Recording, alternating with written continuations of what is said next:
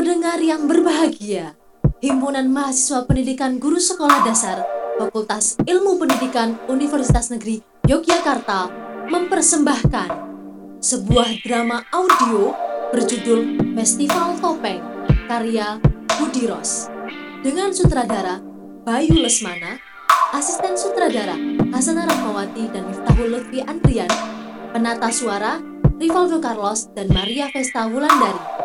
Pemeran Erni Rahayu sebagai Kasmun, Cindy sebagai Bawur, Dela sebagai Tuji, Isabella sebagai Parjan, Aska sebagai Kubil, Titik sebagai Pono, Tanisa sebagai panitia dan MC, Enggar sebagai Mitro, Anggun sebagai Belentung, Neni sebagai Genggong, Salma sebagai Jarkoni, Kurnia sebagai Pia, Sinta sebagai Tirna, Anggi sebagai Penny, Husna sebagai Samiun, Syakban sebagai Jubir, Yainun sebagai Tiro, Sukasi sebagai Mbah Joyo, Devi Tri sebagai Mijem, Miftah sebagai Sulasi, Maulida sebagai Warti, Susi sebagai Yasmudi, Angger Winsi sebagai Laras, Sela sebagai Wahyu, Vesta sebagai Parmin, Umatul Khairiyah sebagai Kamto, dan Yoga sebagai Sanwiraji.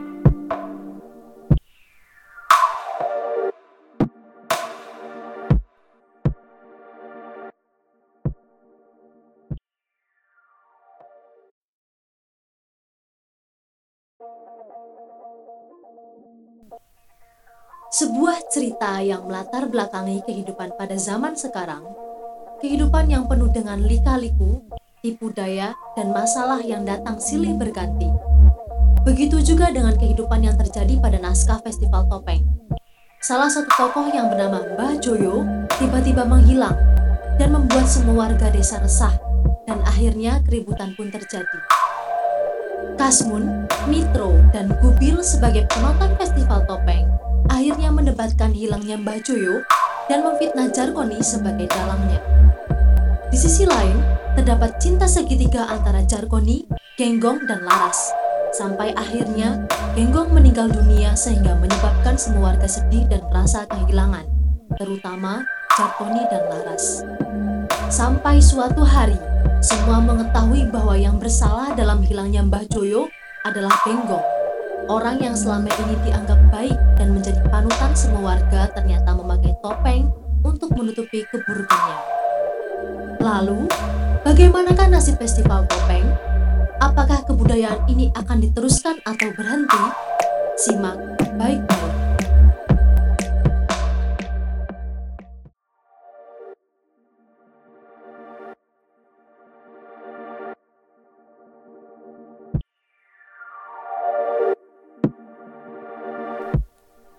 Pendengar yang berbahagia, Himpunan Mahasiswa Pendidikan Guru Sekolah Dasar Fakultas Ilmu Pendidikan Universitas Negeri Yogyakarta mempersembahkan sebuah drama audio berjudul Festival Topeng karya Budi Ros.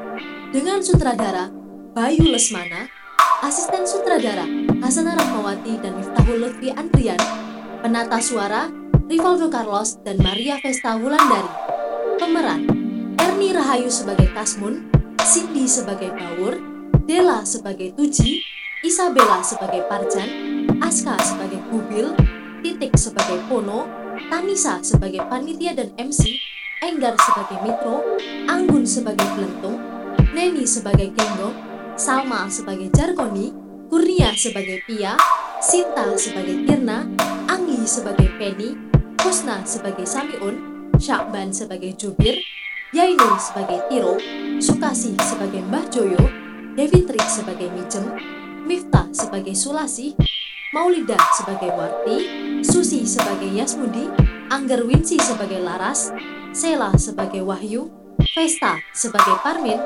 Umatul Khairiyah sebagai Kamto, dan Yoga sebagai Sanwiraji.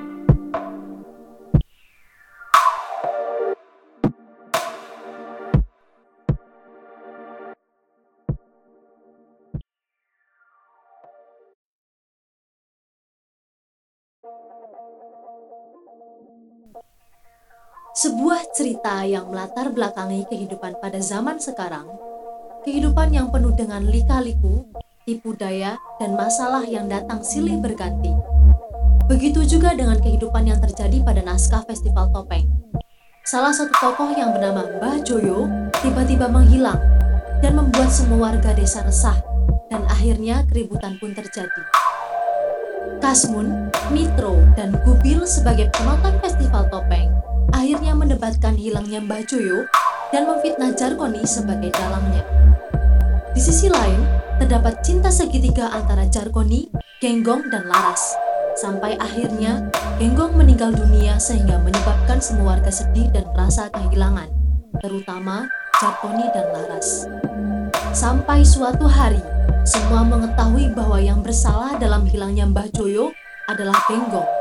Orang yang selama ini dianggap baik dan menjadi panutan semua warga ternyata memakai topeng untuk menutupi keburukannya. Lalu, bagaimanakah nasib festival topeng? Apakah kebudayaan ini akan diteruskan atau berhenti? Simak baik-baik. Iring-iringan peserta festival topeng bergerak menuju tanah lapang. Tempat festival tahunan khas desa itu biasa digelar. Meriah betul suasananya.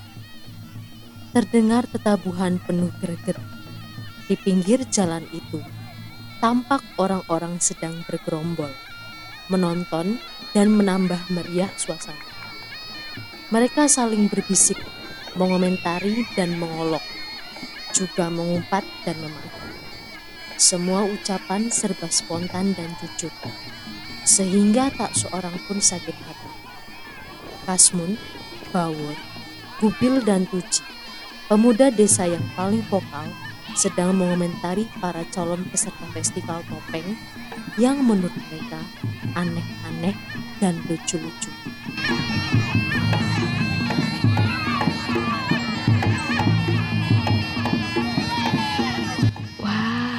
Ini baru festival. Hebat, hebat. Pesertanya banyak betul. Ya, belum pernah sebanyak ini. Angger ora, percuma dong sumbangannya dewek tahun kie juga paling gede betul paling besar buset topeng apaan tuh Farjan serem amat kayak memati sawah diam kamu. Tahu apa kamu selain cangkul dan jamburnya Jamila? Ini seru manyang. Apanya yang seni? Berani bertaruh. Gak bakalan menang Parjan. Jauh jauh. Menang kalah urusan belakangan. Yang penting partisipasi. Daripada kalian sawah melulu yang diurus. Sekali-kali ikut festival dong kayak saya ini hiburan sehat rekreasi sekaligus melestarikan tradisi leluhur leluhur siapa leluhur kita sudah lama mati Parjan tradisi ini sudah lama sekarat tinggal nunggu koit. Kalau Sri Lestari masih ada, di Jakarta dia jadi babu.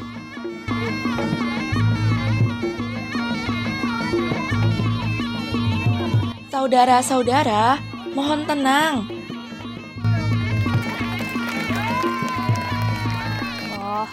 Lihat itu. Ada lagi yang aneh. Siapa itu? Ada bagus kelihatannya. Yang mana? Itu yang warna hijau. Oh, kue ya. Apik kue. Itu. Apanya yang bagus?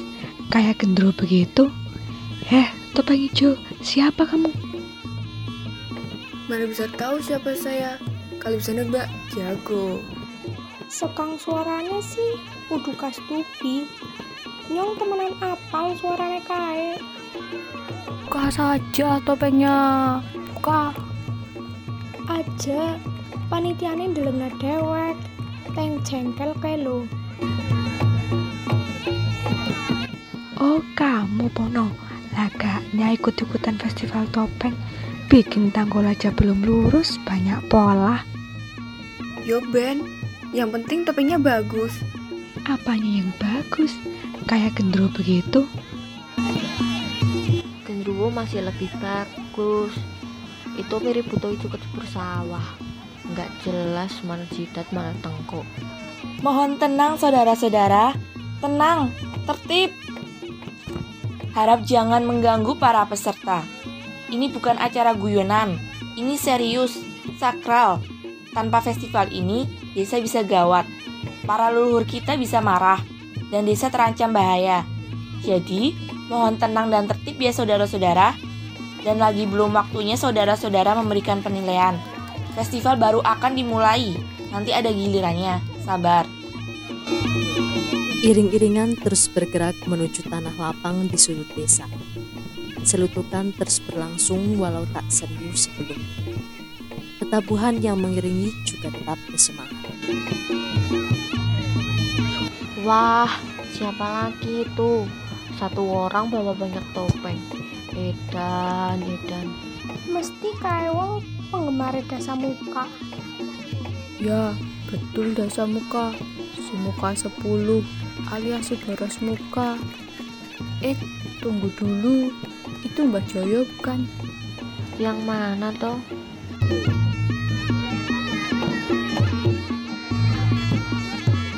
Ah, ya betul. Itu memang Mbah Joyo. Kenapa toh? Kenapa? Kenapa dia tidak memakai topeng? Apa? Mbak Joyo tidak pakai topeng. Mana? Ah, iya betul. Mbak Joyo tidak pakai topeng. Kenapa bisa begitu? Lihat, lihat saudara-saudara. Mbak Joyo tidak pakai topeng. Mbah, Mbak Joyo, kenapa tidak pakai topeng? Mana topeng-topeng termasyhurmu itu, Mbah? Mbah, Mbak Joyo?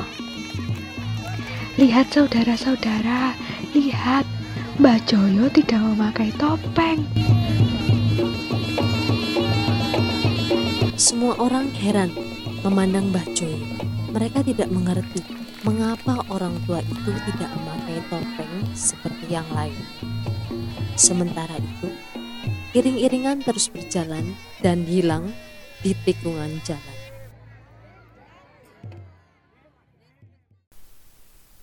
Ladang milik Blentung di pinggir desa. Pagi hari, Blentung sedang bekerja di ladang. Mitro, tetangga dekatnya, bergegas lewat.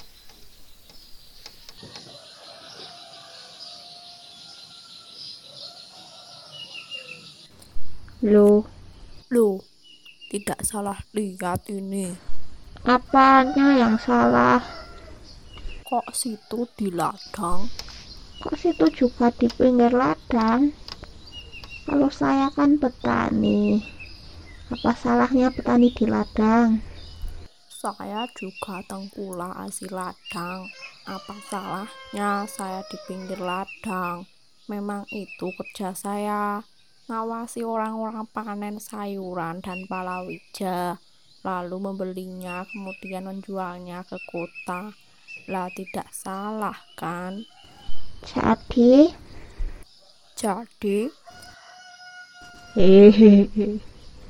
Ya memang tidak salah. Cuman kalau para tetangga melihat keberadaan situ di pinggir ladang sekarang ini bisa bisa menyulitkan kita. betul itu menyulitkan kita.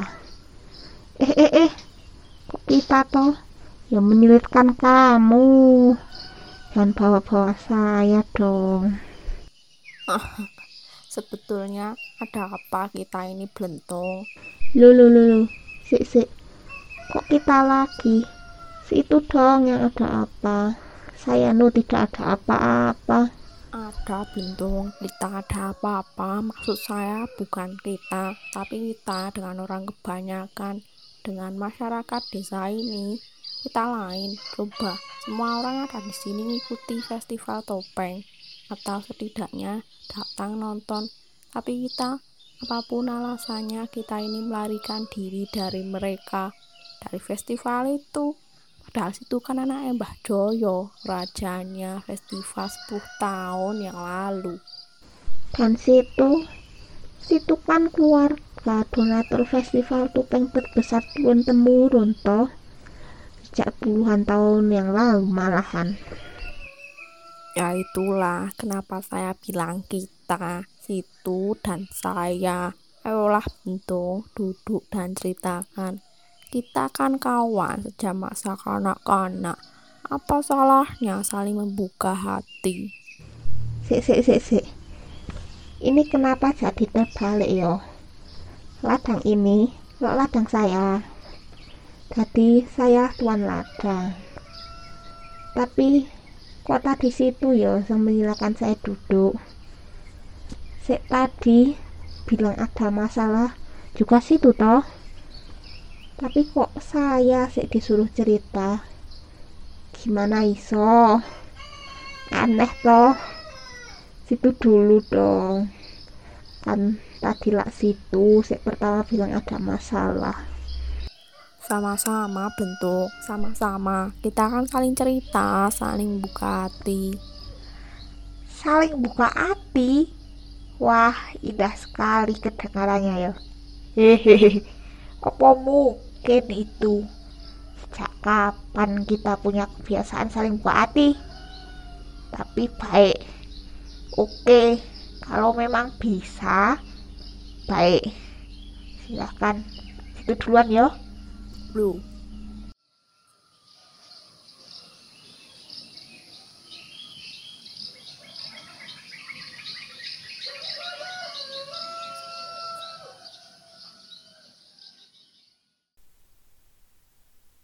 Festival segera dimulai. Rupanya, ketua panitia sedang memberikan sambutan pengarahan kepada seluruh peserta. Semua tampak bersemangat, meriah, namun tertib. Nah, saudara sekalian seluruh desa Mosokambang yang saya cintai, demikianlah tadi pengarahan saya selaku ketua panitia. Saya tidak akan berpanjang lebar, sebab segala sesuatunya sesungguhnya sudah jelas. Tugas kami yang paling utama adalah membuka dan menutup festival ini. Kami hanya berpesan agar acara ini berlangsung semeriah mungkin, sehikmat mungkin, namun tetap aman dan tertib. Kita sebaiknya menanamkan prinsip bahwa keamanan dan ketertiban adalah segala-galanya. Tanpa keamanan dan ketertiban, hidup kita tidak akan bahagia.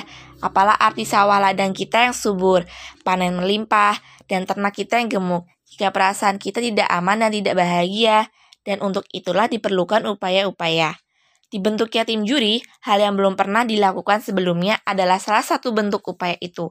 Tim juri bukanlah kelompok tandingan bagi penilaian masyarakat terhadap festival ini, akan tetapi dimaksudkan hanya sebagai partner kerja saudara-saudara, agar dalam memberikan penilaian nanti, saudara-saudara bisa lebih terarah, lebih bijaksana, lebih fair, dan memuaskan semua pihak. Kami tahu, kemenangan bukanlah tujuan utama para peserta festival. Mereka adalah pribadi-pribadi yang menghormati tradisi leluhur dan ingin melestarikannya. Akan tetapi bagaimanapun, penilaian yang objektif dari masyarakat adalah faktor yang penting. Tanpa objektivitas, para peserta akan marah. Ketentraman dan kebahagiaan hidup masyarakat kita pun bisa terganggu. Betul tidak saudara-saudara? Ya, betul. betul. Ya, itu betul. Ya, betul. Loh, mana tepuk tangannya?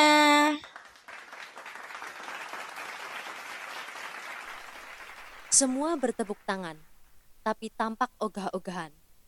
Ketua panitia tampak kurang senang. Jarkoni, lurah desa itu memberi aba-aba supaya orang-orang bertepuk tangan lebih keras. Terima kasih, terima kasih.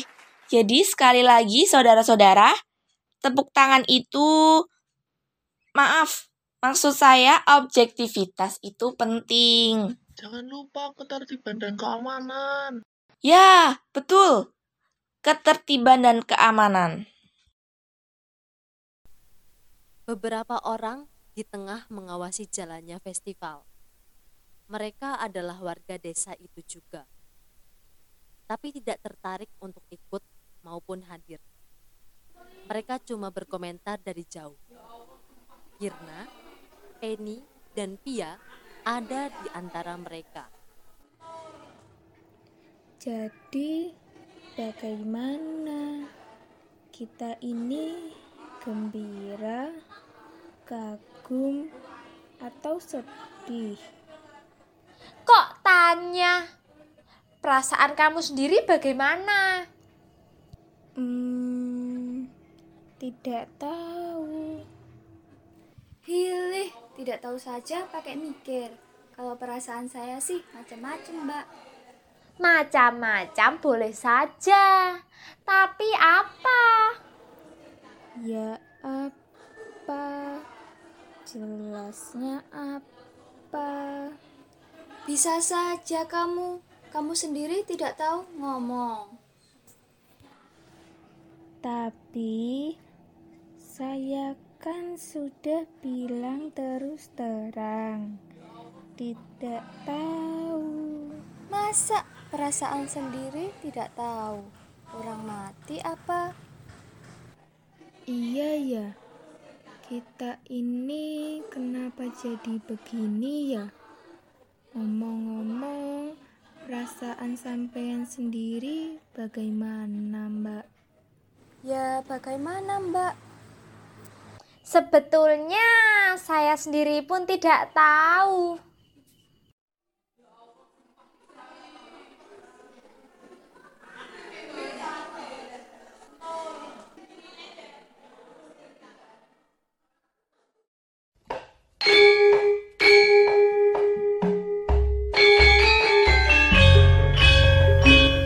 Festival rupanya sudah dimulai. Beberapa peserta sudah selesai tampil. Ada yang mendapatkan sambutan hangat, ada juga yang tidak. Kali ini, Samiun, si muka 10 sudah tampil. Ia lincah, energik, dan kocak. Topeng-topengnya juga bagus. Tapi, apakah dia disukai dan dianggap mewakili penonton? Belum tentu. Buktinya, di akhir penampilannya, tidak banyak bendera kecil diacungkan oleh penonton. Wah, wah, wah, wah, wah. Terima kasih, terima kasih. Saya sangat gembira pada tahun ini bisa kembali tampil di hadapan saudara-saudara semua. Ini adalah sebuah rahmat. Dulu itu, saya hanya mampu membawakan satu dua topeng saja. Tapi seiring berjalannya waktu, usia saya juga bertambah. Saya merasa kebijakan saya dalam memandang dan menghadapi hidup ini harus bertambah juga. Itulah kenapa hari ini saya itu memakai 10 topeng sekaligus. 10 topeng loh saudara-saudara.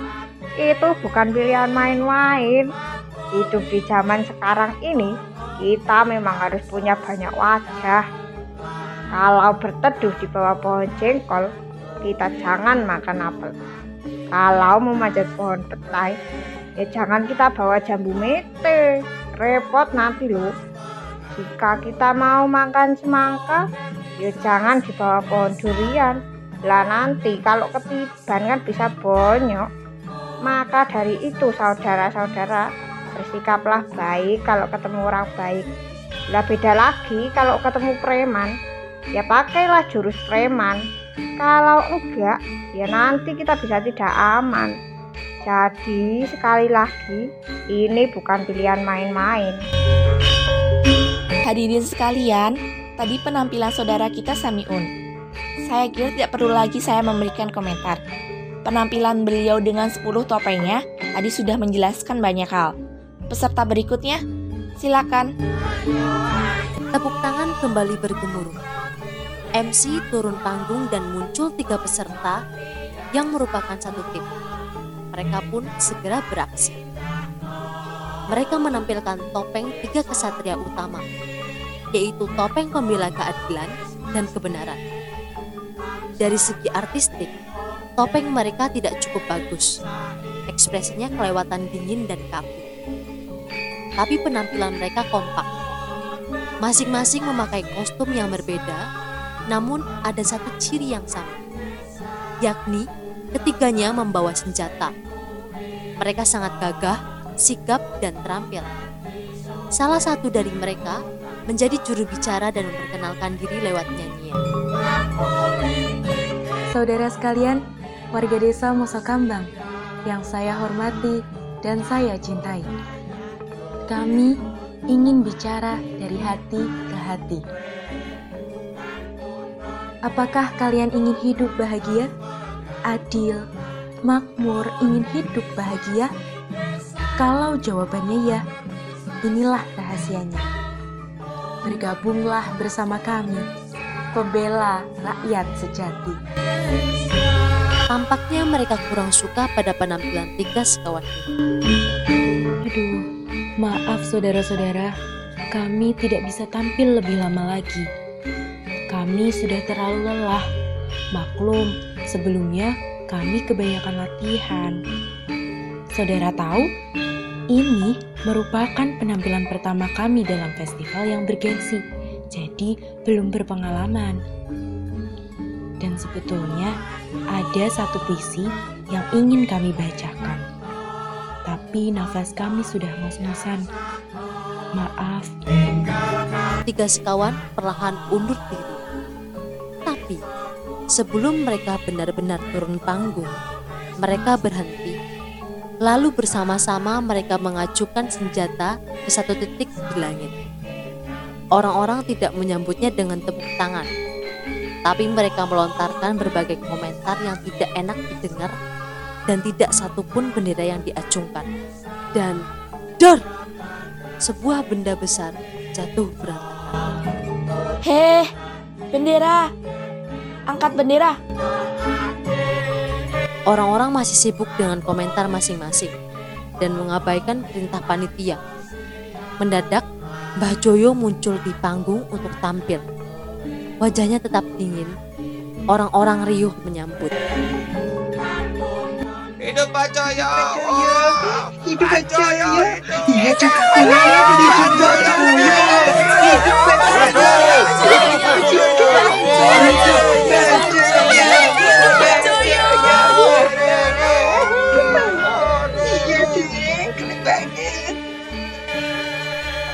Perlahan, Mbah Joyo menuju tengah panggung.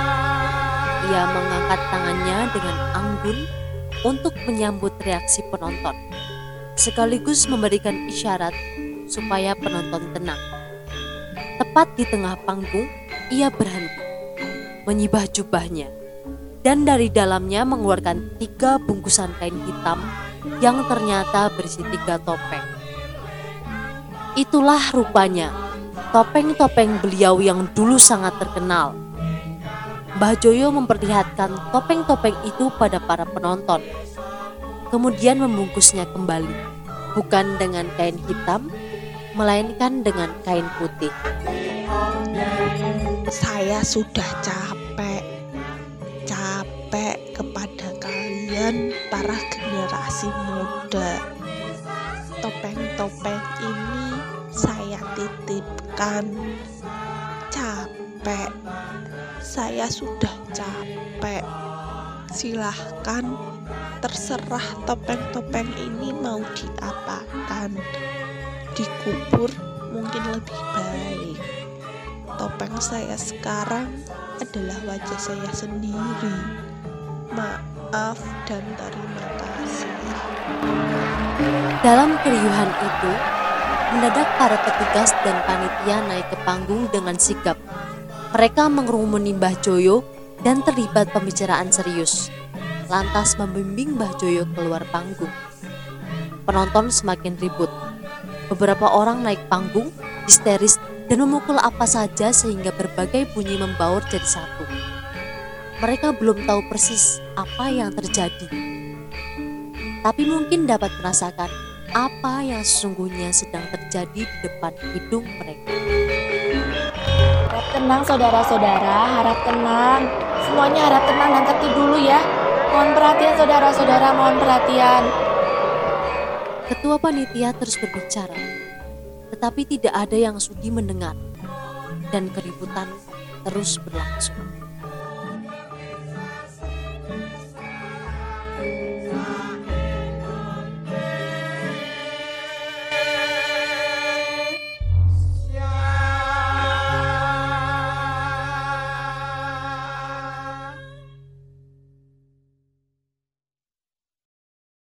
Beberapa saat setelah festival bubaran, Kirna, Penny, Pia, dan kawan-kawan turun dari bukit menuju tempat itu. Apa kata saya tadi? Macam-macam kan? Tuh, Betul terbukti. Macam-macam pula kejadiannya. Masa festival jadi rebut nggak keturunan? Untung kita tidak ada di sini tadi. Eh, jangan sok tahu. Kami kan tadi cuma bilang perasaan saya macam-macam. Bukan festival ini akan jadi macam-macam. Iya enggak, Mbak? Paling tidak, itu membuktikan kalau firasat saya benar. Daripada kamu tidak merasakan apa-apa. Kedul, tumpul. Kalau punya firasat jelek, kenapa dari tadi diam saja? Kamu kan bisa usul sama ketua panitia supaya festival ditunda. Menunggu jatuh hari baik misalnya. Atau kalau perlu supaya festival tahun ini dibubarkan saja. Apa? Usul? Libur? Oh, kamu betul-betul bodoh. Kamu pikir perkara apa ini? Siapa saya? Siapa kita? Berani-beraninya kita usul. Festival topeng perkara sakral. Mbah Joyo saja rajanya festival dari tahun ke tahun tidak berani usul begitu. Apalagi kita. Mbah Joyo bisa saja bilang sudah capek dan ingin undur dari festival. Tapi selama ini dia cuma omong di depan kita. Di depan panitia. Hmm. Kamu lihat tadi apa akibatnya? Tapi sebetulnya saya memang ingin kasih usul.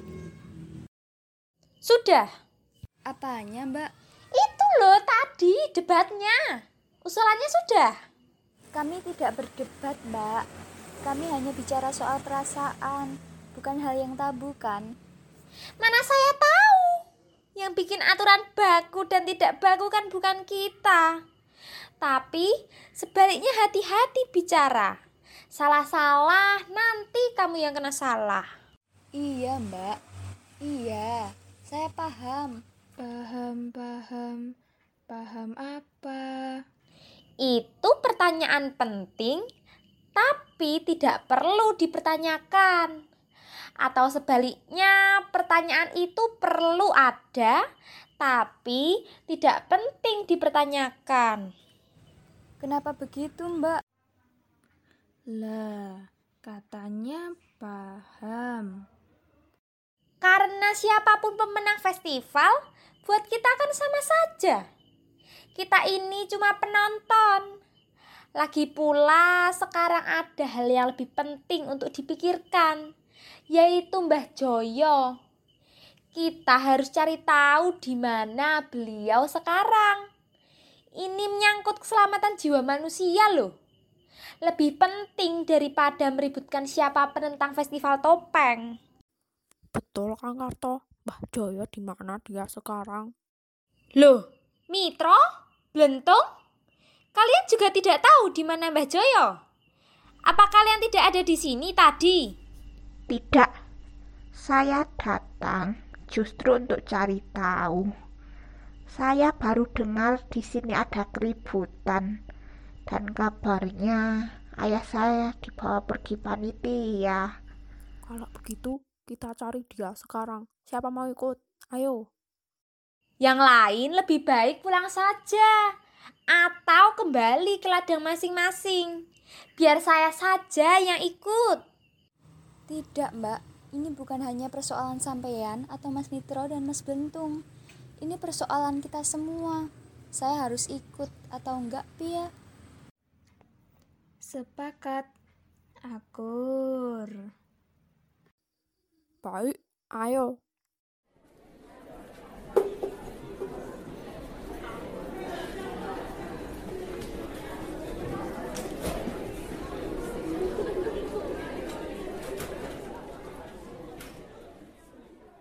Ah, bikin capek aja, baru datang sudah bubar.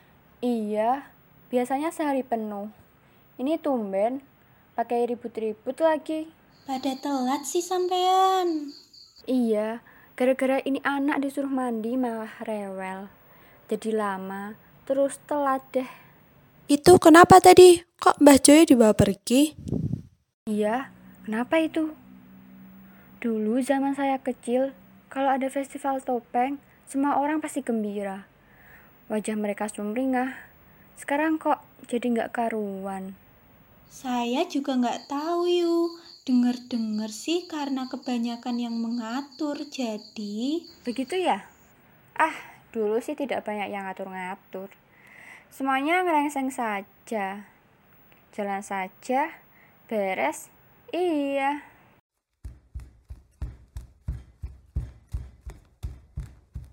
Kasmun, tunggu Kasmun. Itu kenapa tadi cepat bubaran? Kenapa ribut-ribut? Ada apa itu? Hmm, anu yuk, belum tahu saya. Pokoknya sampean pada pulang saja dan gak usah banyak tanya ya. Saya sendiri belum tahu. Anu, kalau ada yang tanya, bilang saja nggak tahu ya. Nggak tahu, nggak tahu. Biasanya kamu serba tahu. Terus Mbah Joyo? Eh, Kasmun. Kasmun. Oh, dasar. Kasmun, Bawor, Tuji, dan Gubil sedang diberi pengarahan oleh seseorang. Di kejauhan, tiga orang centeng berjaga-jaga. Tempat itu kelihatan gelap. Hanya sedikit cahaya obor yang menerangi.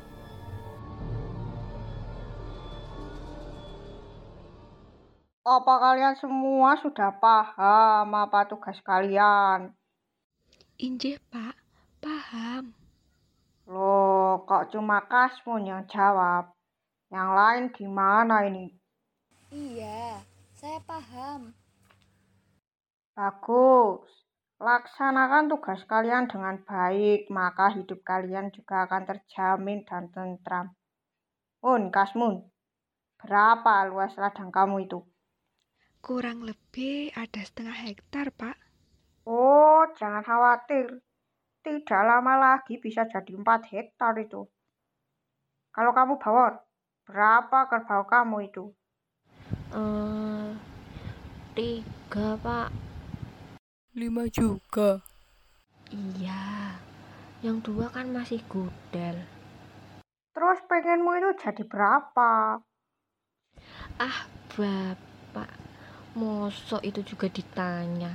Berapa saja saya juga mau. Bisa, gampang. Semua itu bisa diatur. Jangan khawatir. Kamu tuh Ji, juga Gubil. Pengenmu punya apa?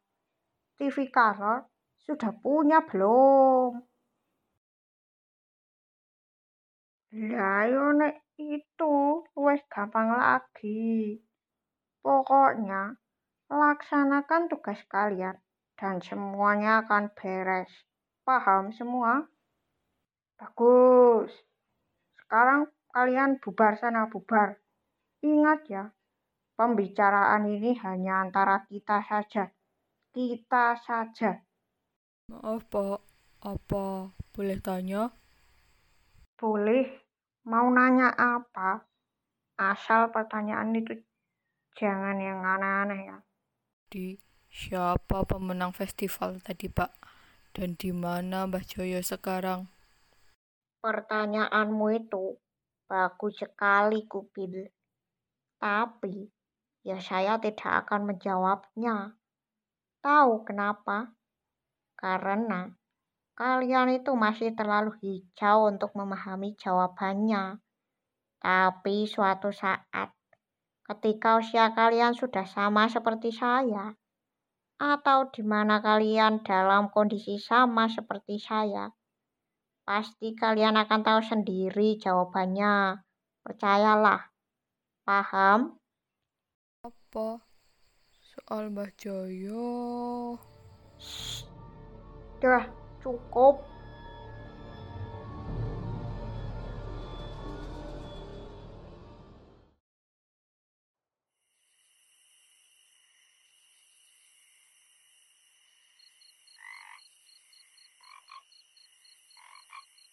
Kowe dadak takon-takon tentang Mbah Joyo. Untung kae wong ora jengkel. Nek jengkel kepriwe jal? Namanya juga pengen tahu. Tapi maning-maning hati-hati nek ngomong. Kayak orang ngerti keadaan baik. Terlalu hati-hati juga nggak bagus. Rezeki yang jatuh ke kita jadi hati-hati juga.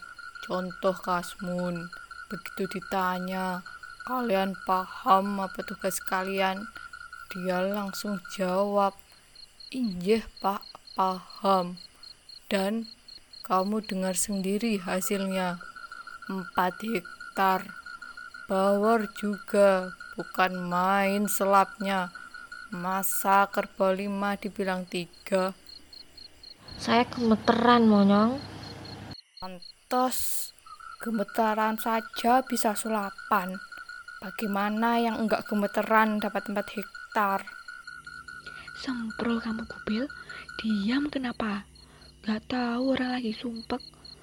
Kamu pikir aku senang dengan semua ini? Kita ini sama-sama sedang jadi korban tahu? Kalau bisa, saya ingin lari dari semua ini. Tapi apa daya kita? Apa daya? Saya juga cuma TV color. Eh, saya serius ini. Lagian, siapa yang percaya janji-janji itu? Semua kan serba belum jelas. Saya menyesal kenapa ada di sana waktu festival berlangsung. Ini semua gara-gara kamu ngotot ngajak ke sana. Kalau tidak, kita tidak repot begini. Sial, kamu bikin sial. Tenang, Kasmon, tenang. Ini musibah. Kita sedang kena musibah. Kita harus tetap kompak supaya kuat. Kamu diam, Bubel. Kasih waktu Kasmon untuk berpikir. Nembe nginum cap tikus tok be wis loncer. Gawe hati wong panas. Baik, sudah kepalang basah. Aku tahu sekarang. Tahu gimana tuh? Kita boleh tidak suka sama Samiun. Tapi pada saat seperti sekarang, kita harus belajar dari dia. Maksudmu, kita ke rumah Samiun? Buat apa kita ke sana? Itu tadi kan Samiun. Samiun? Weh, kok bisa lain begitu ya? Itulah kelebihan dia. Terus, apa maksudnya belajar dari dia? Besok malam undang semua warga. Terus, gampang itu. Pokoknya besok kita kerjakan semuanya. Ayo, kita rembukan di tempat lain. Sudah malam. Samiun.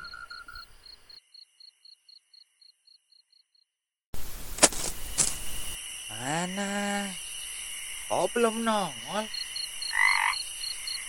Katanya habis isya.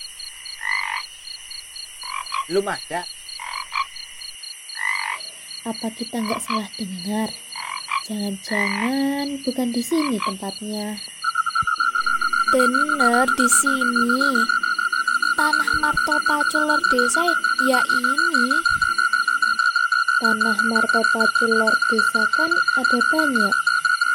Tapi tanah dia di luar desa yang kosong ya cuma ini. Yang lain sudah ditanami jagung bangkok. Semua serba bangkok. Kita panculnya ada datang gak eh? Ya mana tahu, belum kelihatan. Siapa sih yang kasih tahu sampean supaya kumpul di sini? Kasmun. Siapa lagi? Kalau saya si Kupil, yang diundang siapa saja. Kurang tahu. Sebaiknya hati-hati. Jangan sampai kelihatan orang lain dulu. Saya curiga jangan-jangan ini ada apa-apanya. Atau malah jebakan. Gak biasanya ada undangan ke kebun. Aneh. Semua jadi aneh. Malam-malam suruh belusukan begini. Asam kecut. Ada orang. Ayo ngumpet. Betul ke di sini tempatnya? Kalau betul, mana juga saya tahu. Wong mata sudah lambat begini. Mana yang cok lagi kambuh. Si Bawor bikin orang tua susah saja. Mau ada apa sebetulnya ini? kakek mestinya tanya ke cucunya dong. Sama saya, mana mau dia cerita. Wong saya tanya bolak-balik. Jawabannya itu itu melulu. Nanti kakek juga tahu. Pokoknya kakek datang saja. Penting. Begitu. Rasa-rasanya kenal sama suara batuknya. Oh, Sanwiraji itu, kakek si Bawur. Berarti bukan cuma kita dong yang diundang. Kasmun, Bubil, Bawor, dan Tuji mendadak muncul dari sudut gelap lain. Ya, betul. Tidak cuma kalian yang diundang. Keluarlah kalian semua dari situ. Berkumpul di sini dan kita bicara. Jangan khawatir, tempat ini aman. Saya sudah amati sejak tadi. Coba yang sembunyi di belakang sana, panggil semua. Saudara-saudara, saya akan langsung saja. Saudara tahu, saya adalah warga desa sini. Asli. Dan sama seperti saudara semua, saya juga warga desa yang baik. Jadi, saya juga memahami apa yang tengah menjadi pikiran dan keprihatinan saudara belakangan ini. Apa yang tengah saudara pikirkan adalah juga hal yang tengah menjadi pikiran saya. Apa yang tengah saudara perhatikan adalah juga yang sedang jadi perhatian saya. Sama. Jadi saudara gembira, saya juga gembira. Kalau saudara sedih, saya juga ikutan sedih. Saudara, apakah saudara tahu? Apakah saudara tahu siapa pemenang festival topeng yang baru saja berlangsung? Sama. Lalu, apakah saudara-saudara tahu di mana Mbah Joyo berada? Juga sama. Sama. Kita memang digariskan untuk sama-sama tidak tahu. Tetapi saudara, sebagai insan yang berakal budi, setidaknya kita harus mengetahui satu hal, yaitu bagaimana caranya keluar dari masalah rumit yang tengah menghimpit kita ini. Nah, saudara, inilah caranya.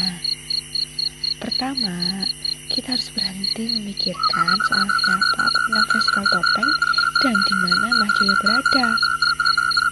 Lalu yang kedua, kita harus kembali kepada titah kita sebagai petani, yaitu bekerja dan bekerja.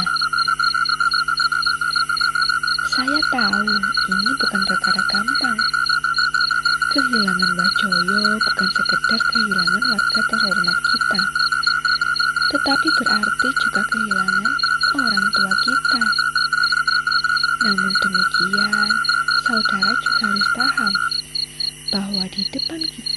ada banyak tugas dan kewajiban yang menunggu untuk diselesaikan. Kita boleh kehilangan siapa saja, tetapi kita tidak boleh kehilangan semangat kita, cita-cita kita, dan hari depan kita. Bagaimana? Apakah saudara-saudara sudah paham? Tapi di mana Mbah Joyo? Eh, eh, maksud maksud saya apa Mbah Joyo sehat-sehat saja? Nah, iya, betul itu. Dan kapan dia pulang? Iya. Apa kami boleh nengok? Dan bagaimana kalau keluarganya menanyakan? Bagus, pertanyaan saudara-saudara bagus sekali. Tapi saya tidak akan menjawab. Tahu kenapa? Karena saudara-saudara masih terlalu hijau untuk memahami jawabannya. Tapi suatu saat nanti di mana saudara-saudara dalam kondisi sama seperti saya, saudara akan tahu sendiri jawabannya. Percayalah. Paham? Maaf, jangan saya paham dulu. Ini saya mau tanya, karena sudah pasti saya belum paham. Kasmon, saya ini sudah 70 tahun. Apa masih dianggap hijau juga? Jadi, yang tidak hijau itu yang umur berapa ya? Maaf kakek, mungkin kakek salah terima. Yang saya maksud dengan hijau itu bukan umurnya, tapi pemahamannya terhadap jawaban masalah ini. Itu kek, paham saudara-saudara?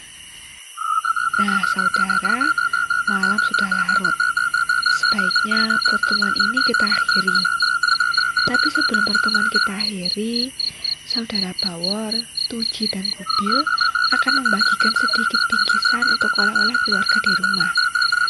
Keluarga dan anak-anak adalah masa depan kita. Maka sekali lagi, selamat bekerja. Demi keluarga, demi anak-anak, dan demi masa depan kita. Supaya tetap tertib dan aman, silakan saudara antri nggih. Terima kasih dan selamat malam.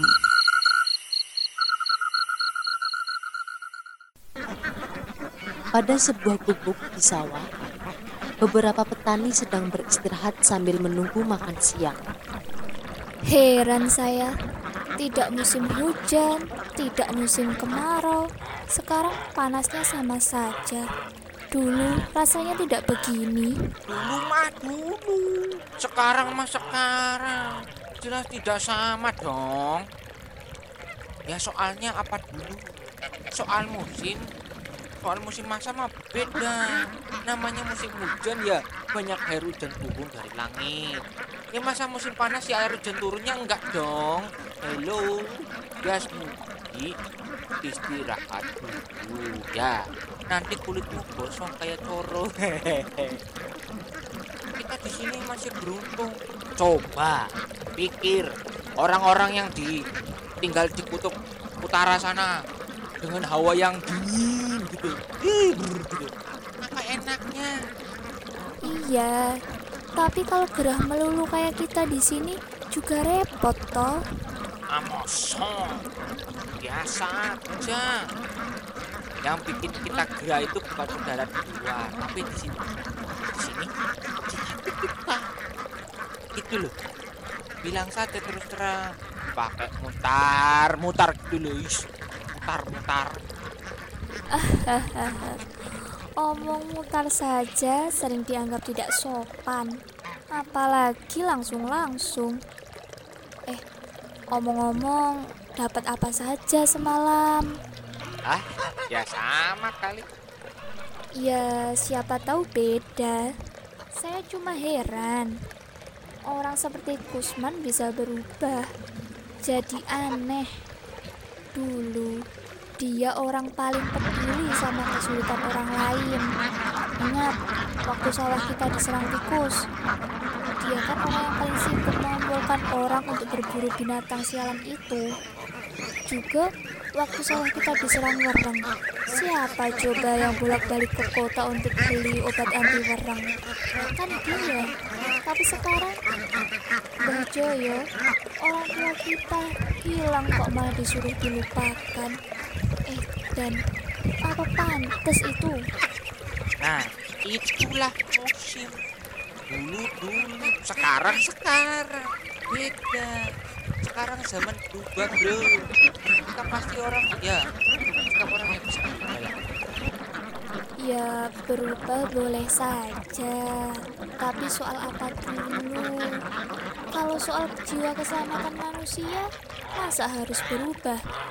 Apa kamu juga setuju dengan Kasmun dan melupakan Mbah Joyo?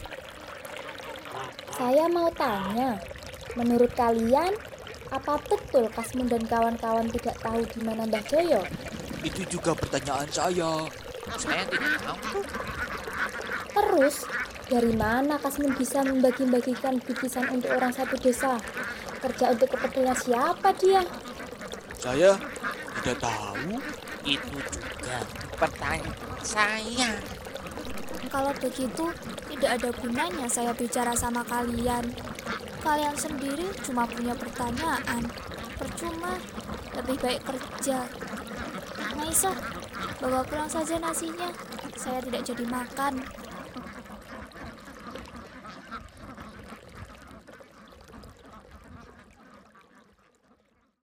Di suatu malam, Dentung, Mitro, Kirna, Penny dan Pia tengah berkumpul.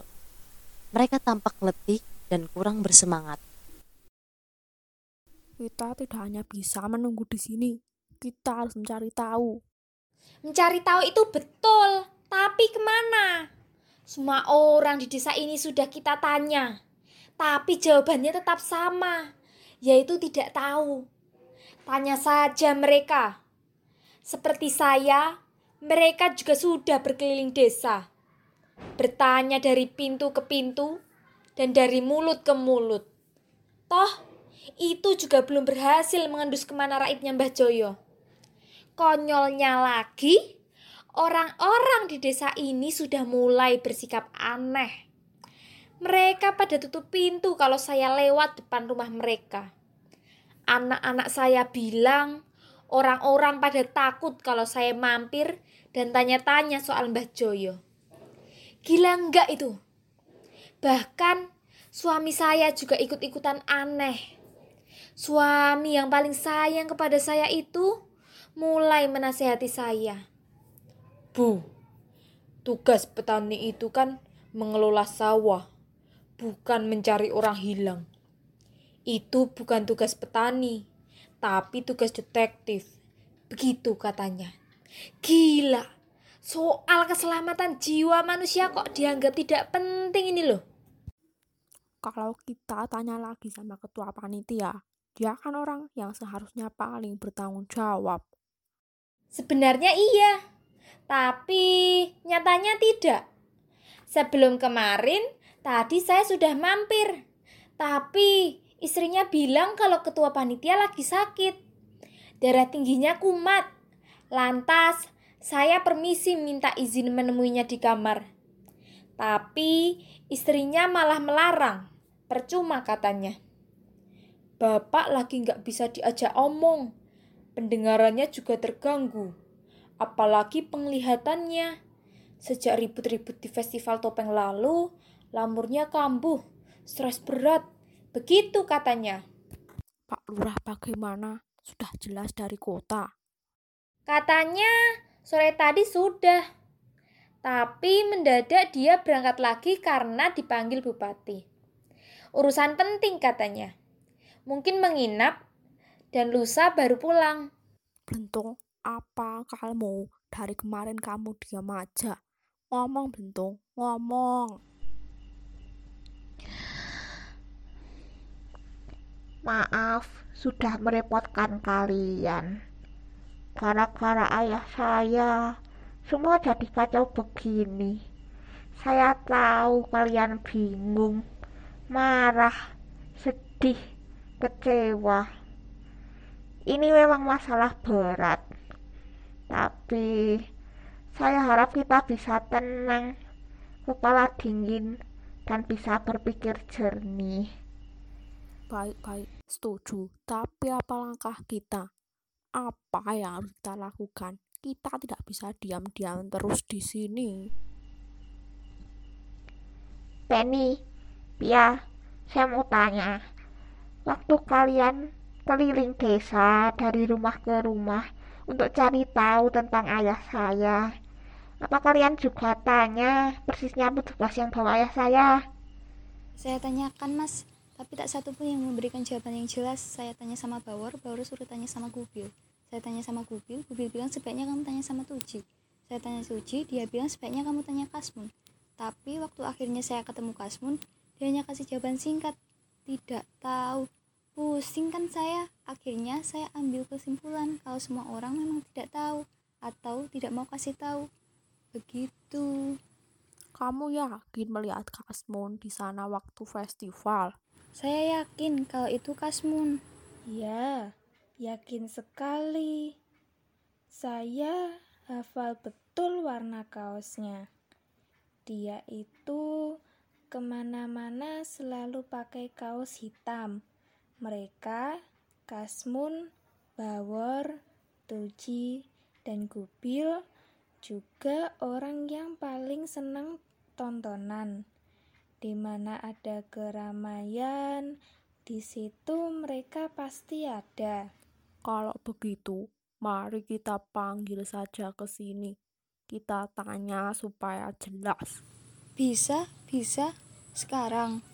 Ya sekarang, kapan lagi? Eh, Pia, ayo temani aku.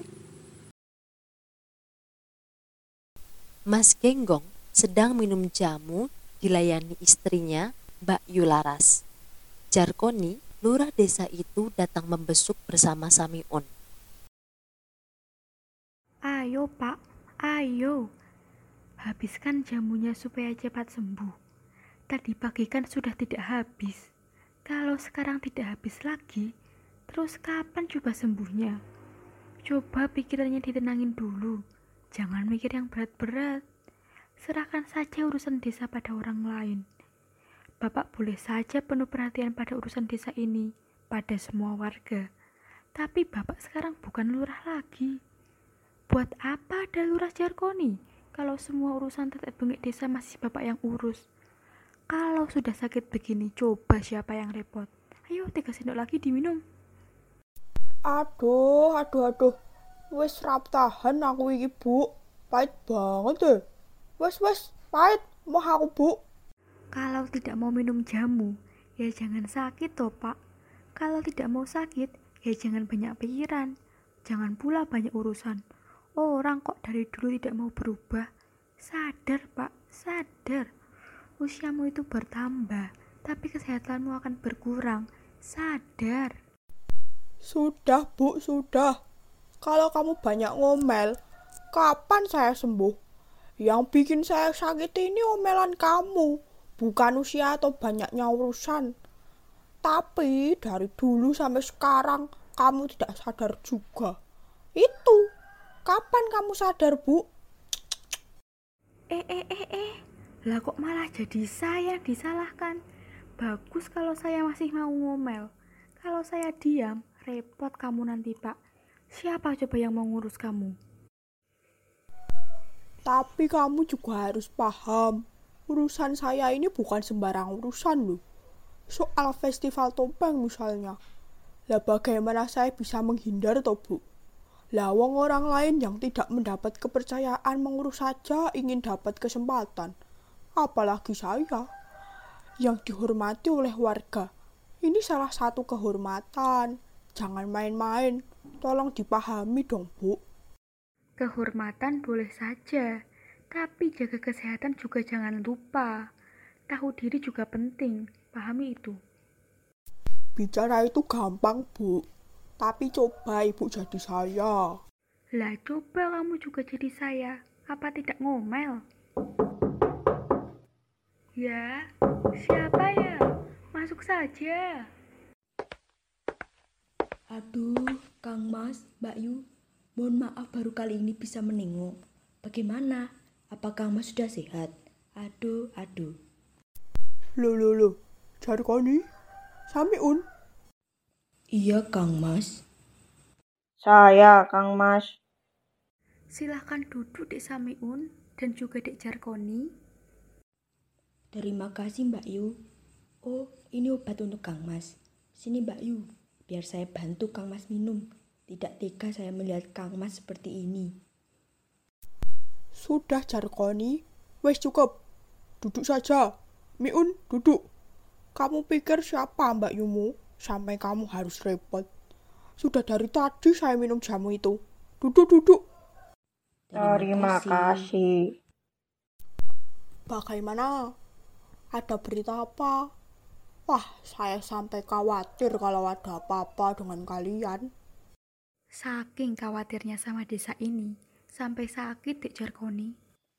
Tidak ada yang perlu dikhawatirkan, Mbak Yu, Kang Mas. Sayalah semestinya yang mengkhawatirkan Kang Mas dan Mbak Yu. Saya sampai tidak bisa tidur berhari-hari. Syukur kalau semuanya baik-baik saja.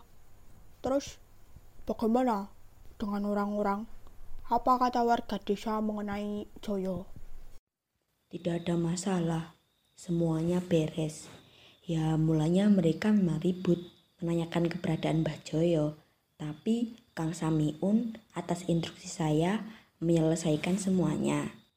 Yo, yo, bagus, bagus. Terus, apa jawaban yang kamu berikan pada warga Samiun? Saya memakai jawaban standar berantai, Kang Mas. Hah? Standar berantai? Apa itu on mi on? Nggak paham saya. Nggih, Mas. Begini. Saya memberikan jawaban standar pada warga desa yang menanyakan soal Mbah Joyo. Jawaban itu tidak saya sampaikan sendiri pada mereka, tetapi lewat orang yang masuk dalam jerat rantai saya, Kang Mas. Oh, begitu toh. Betul, Kang Mas. Dan cara itu ternyata sangat jitu dan ritu. Ritu itu artinya irit waktu, Kang Mas.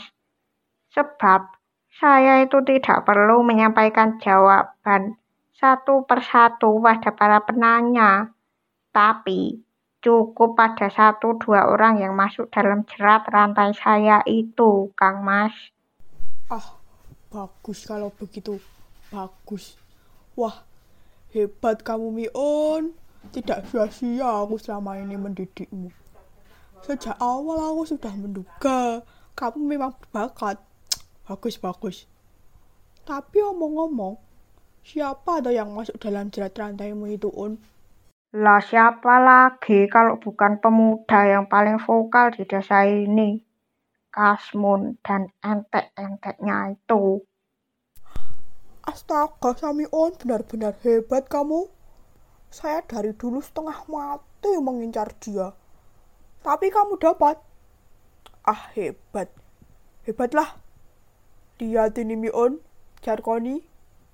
Saya langsung sembuh mendengar laporanmu. Mana jamu tadi, Bu? Biar ku minum semuanya. Hati-hati toh, Pak. Jangan dibawa jalan dulu. Mbok jadi orang tuh jangan yang gerusa-gerusu. Tenang dulu toh. Syukurlah kalau Kang Mas sembuh. Itu memang harapan kami. Kalau Kang Mas sakit, wah rasanya saya tidak ada daya. Bukan begitu Kang Miun? Betul.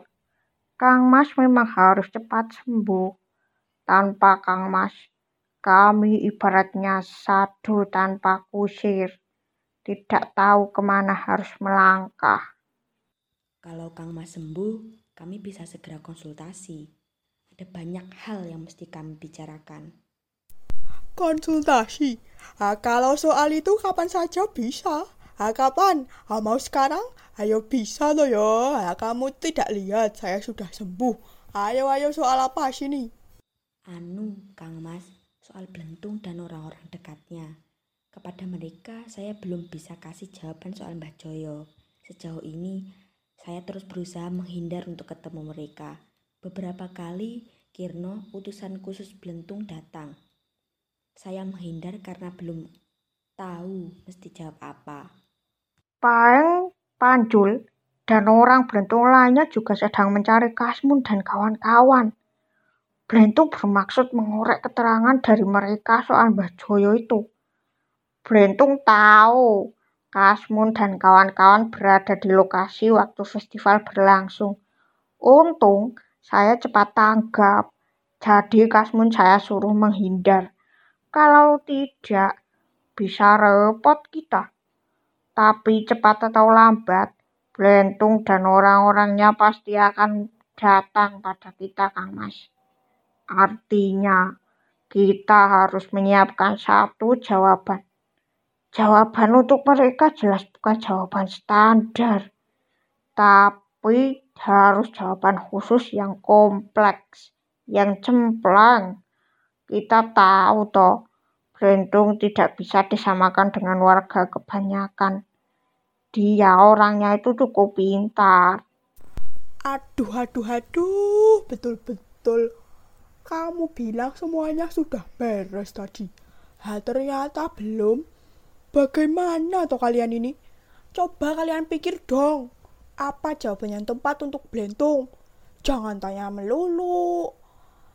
Mikir-mikir, pusing jadinya saya. Aduh, kumat lagi darah tinggi saya ini. Bu, ibu. Sudah, Pak, sudah. Makanya tenang dulu, tenang.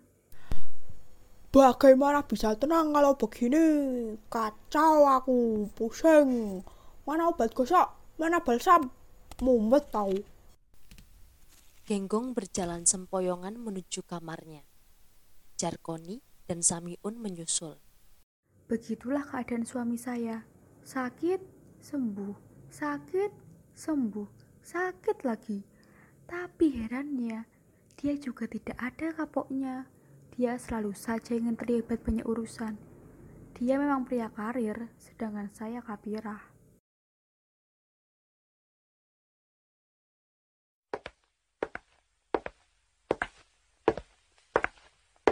Bagaimana ini? Kita panggil Kasmun. Tunggu dulu, saya khawatir keputusan kita menyinggung perasaan Mas Ginggong. Bagaimana kamu ini? Beliau kan sudah menyerahkan pada kita. Kita diminta berpikir bagaimana jawaban yang tepat kalau Blentung menanyakan soal Mbah Joyo. Ini kesempatan dan kita sudah punya jawaban. Mau apa lagi? Iya, tapi alangkah baiknya kita rundingkan lagi dengan Mas Ginggong. Untuk apa toh?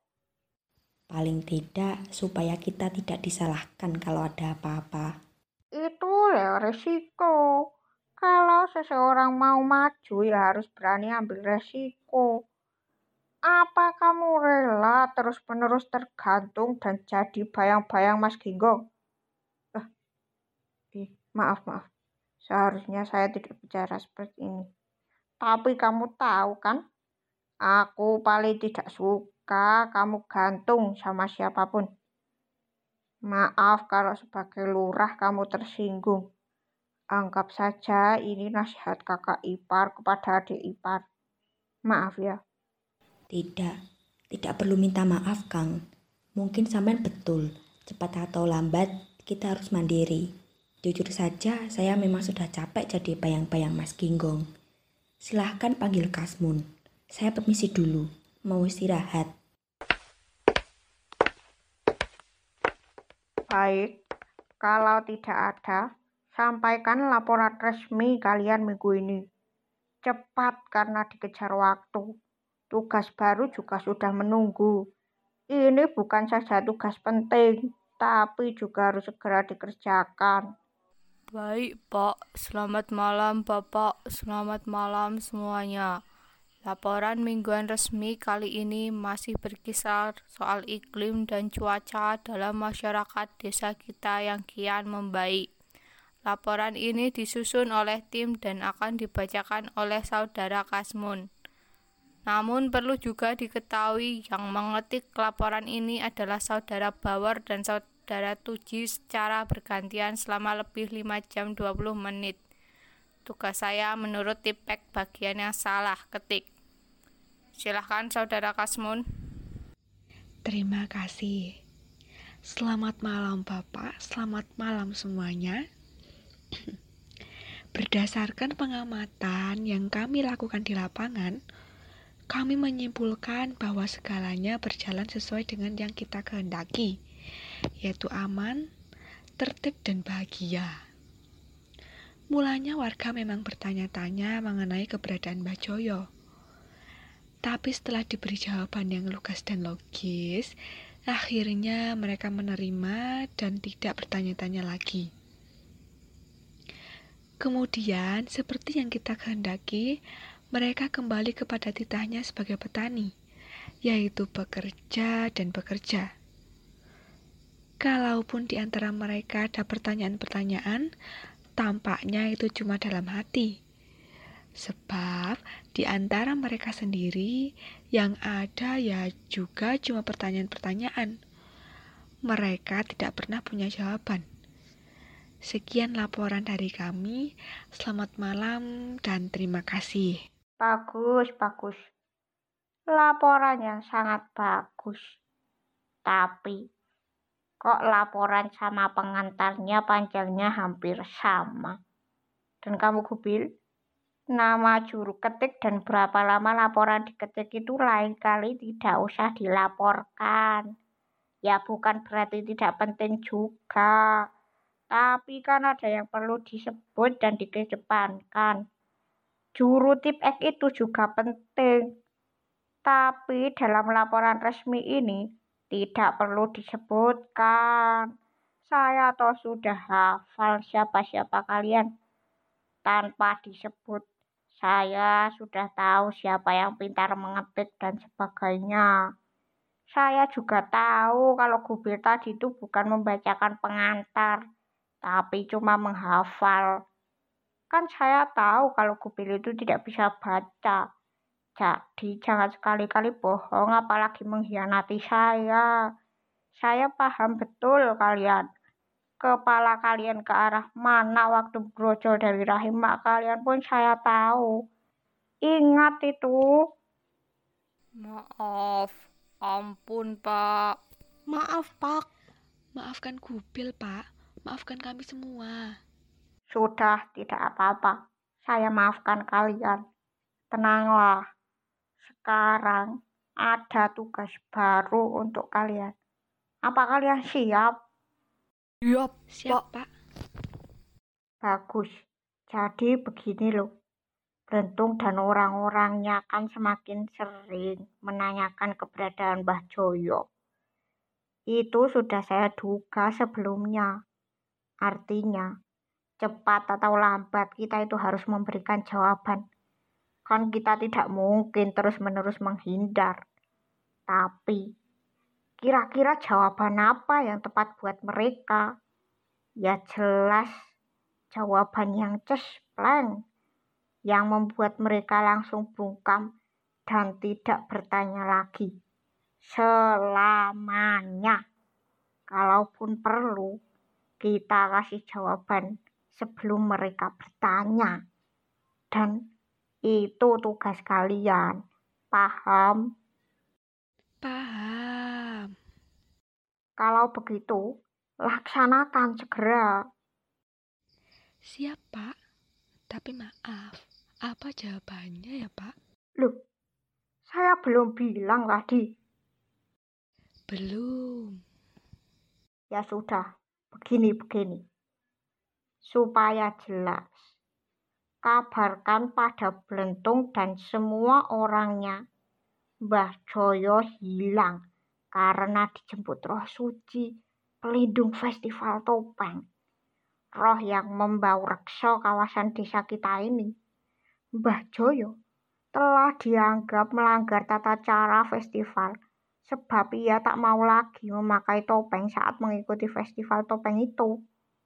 Kesalahan fatal itu membuat roh suci marah pada Mbah Joyo. Juga dianggap mengkhianati sesuatu yang selama ini dianggap sakral. Bagaimana kalau mereka tidak percaya? Bikin mereka percaya. Lah itu tuh tugas kalian. Lalu bagaimana kalau mereka tanya dari mana saya memperoleh kabar ini? Itu juga tugas kalian. Kalian harus cari akal. Sudah, jangan banyak tanya. Kamu kenapa, Gubil? Mau tanya apa? Tidak, Pak. Bagus. Sekarang berangkatlah. Laksanakan tugas kalian. Ingat, ini hanya antara kita saja. Dan belentung tentunya. Warga desa lain jangan sampai ada yang tahu soal ini. Paham? Paham. Selamat bertugas. Oh, nunggu apa lagi? Cepat berangkat.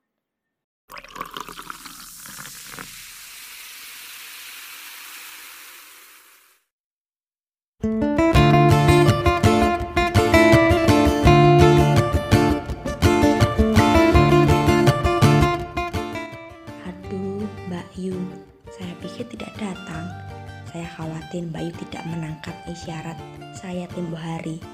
Oh, kangen sekali Mbak Yu. Ah, yang betul. Betul Mbak Yu. Mana pernah saya bohong. Kamu kan lelaki juga, Dek Jarkoni.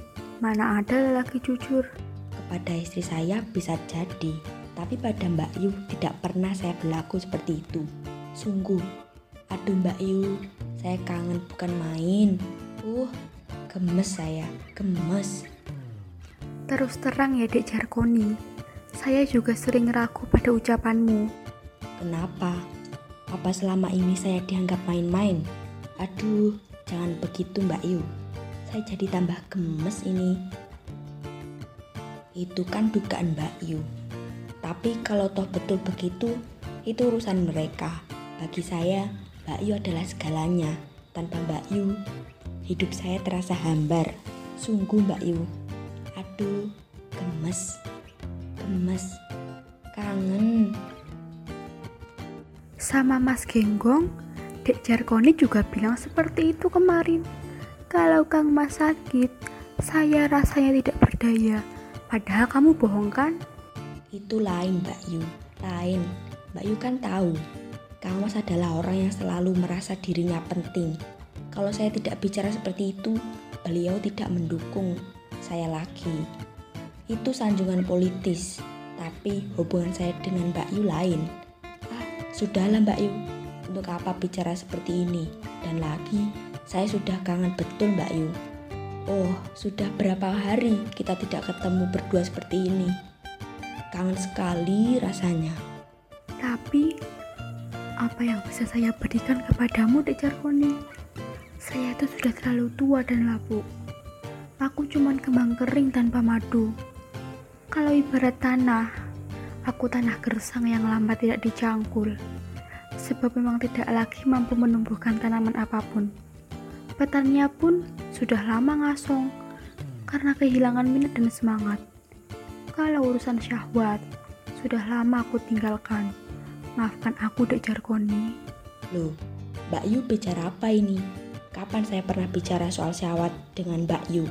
Saya memang mencintai Mbak Yu, tapi bukan untuk urusan yang satu itu. Saya lain Mbak Yu, lain. Bagi saya, bertemu Mbak Yu memandang dan mendengarkan suara Mbak Yu adalah keindahan yang jauh lebih mengesankan daripada urusan syahwat. Saya mohon Mbak Yu, jangan salah mengartikan cinta saya. Oh, kalau begitu, maafkan atas kebodohanku, Dek Jarkoni. Lupakan, tidak perlu minta maaf.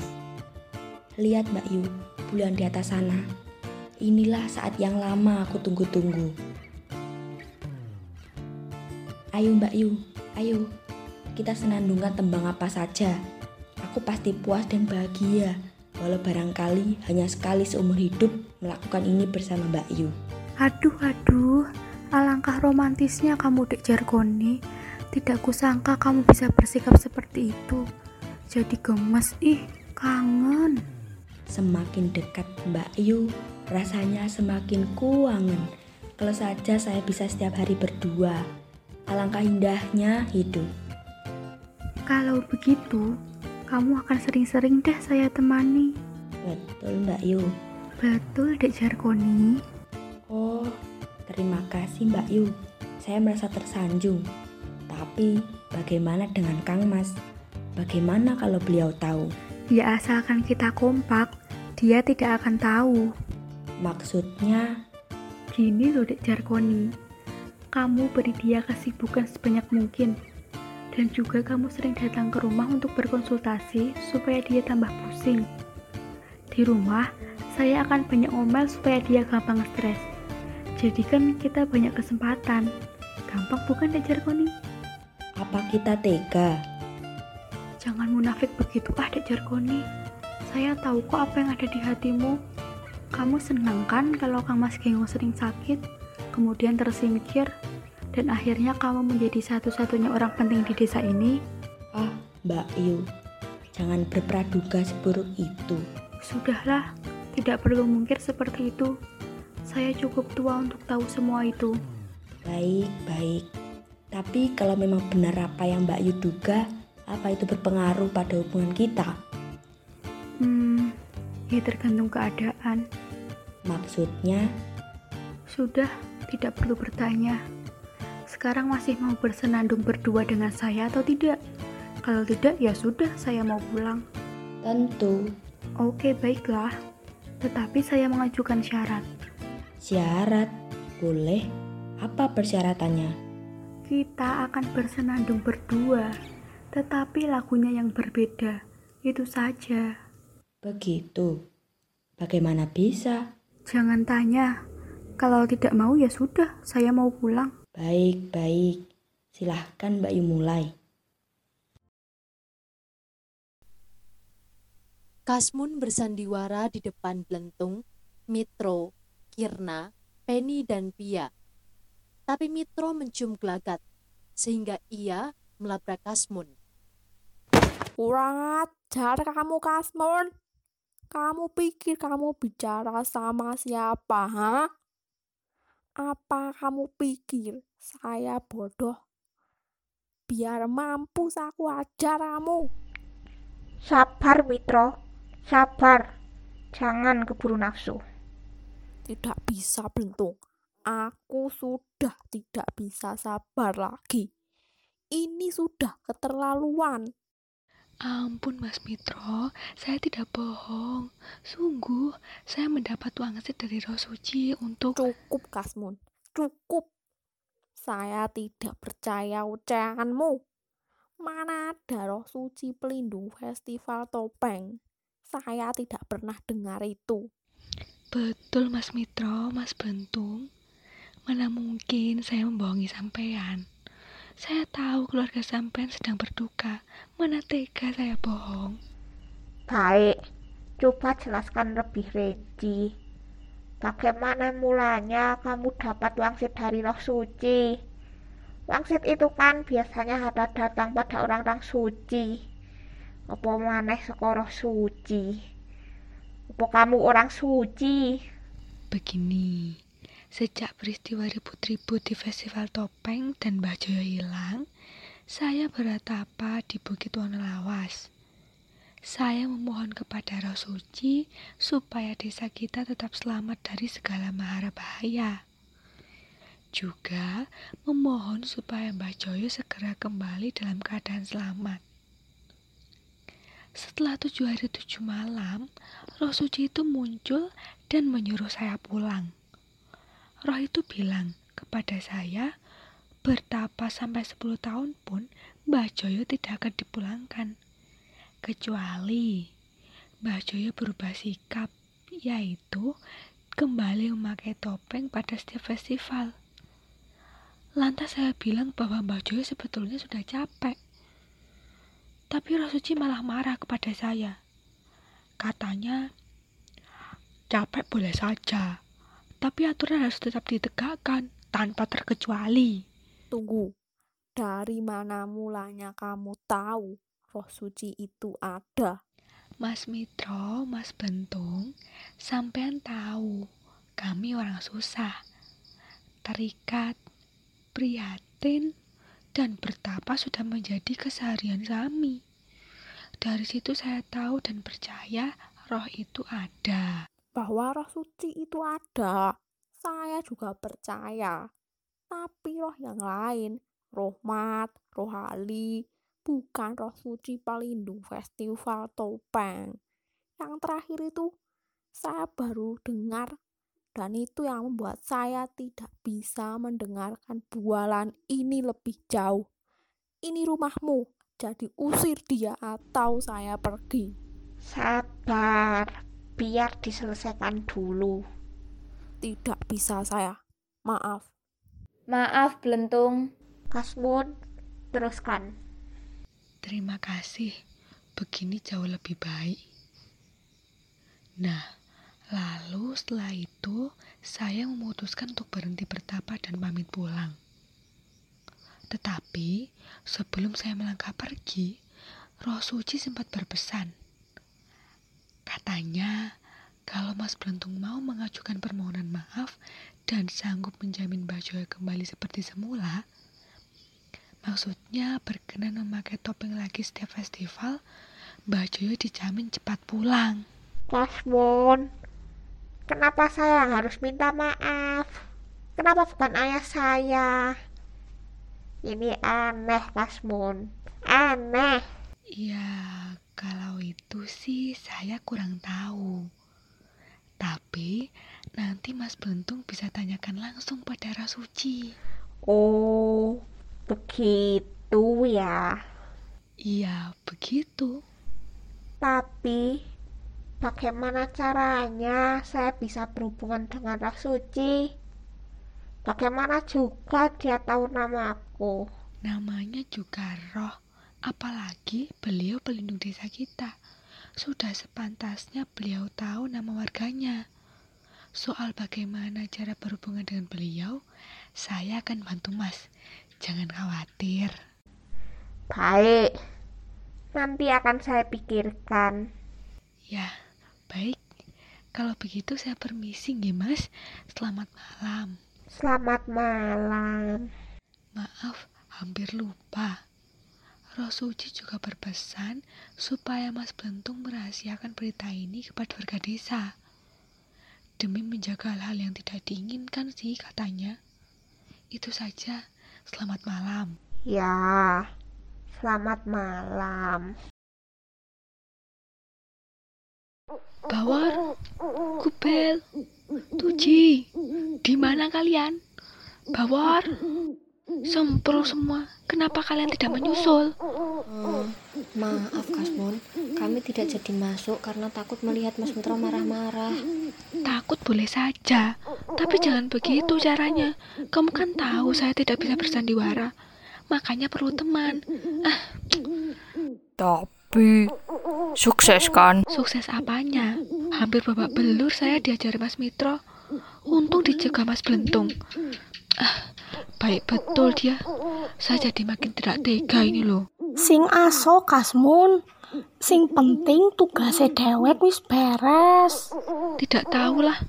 Ayo kita pulang. Capek betul rasanya.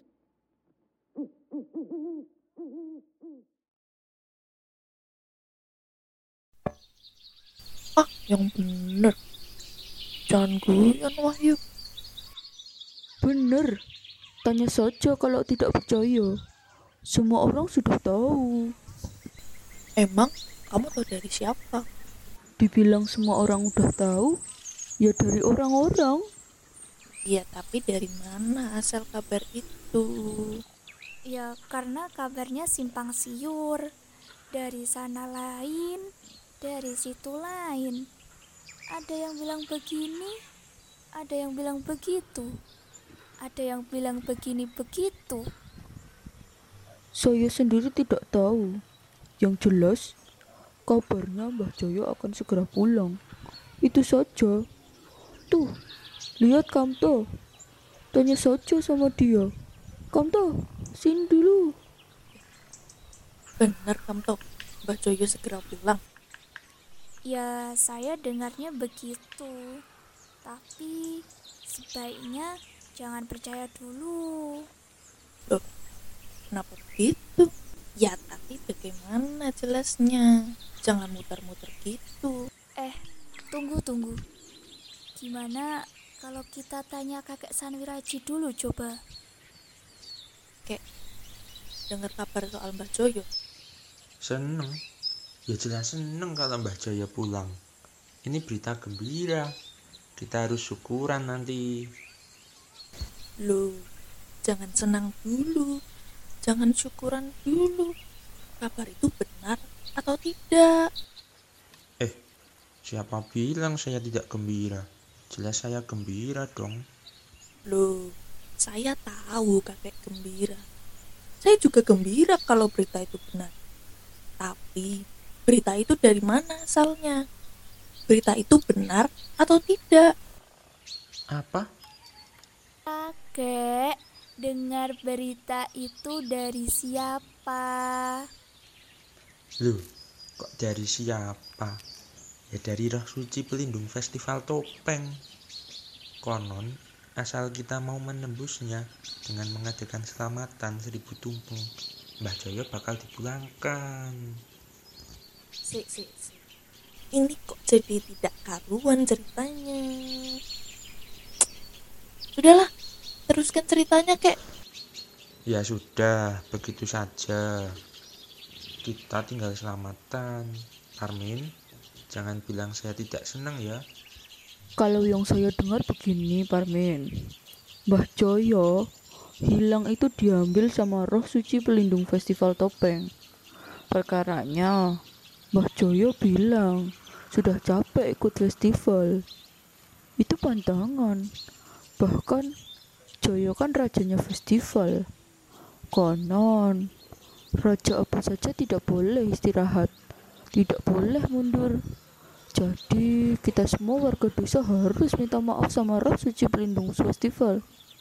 Baru Mbah Joyo boleh pulang. Kita? Kita bikin salah apa? Kalau yang salah Mbak Joyo, kok kita yang harus minta maaf? Ah, gimana sih? Ya udah, tiga orang, tiga cerita, pusing aku. Wah, ada pertemuan penting ini. Langsung saja Yasmuci. Punya kabar apa soal Mbah Joyo? Mbah Joyo? Wah, itu mesti tanya sama Pono dan Parjan. Mereka kan yang ikut festival. Bagaimana, Pono?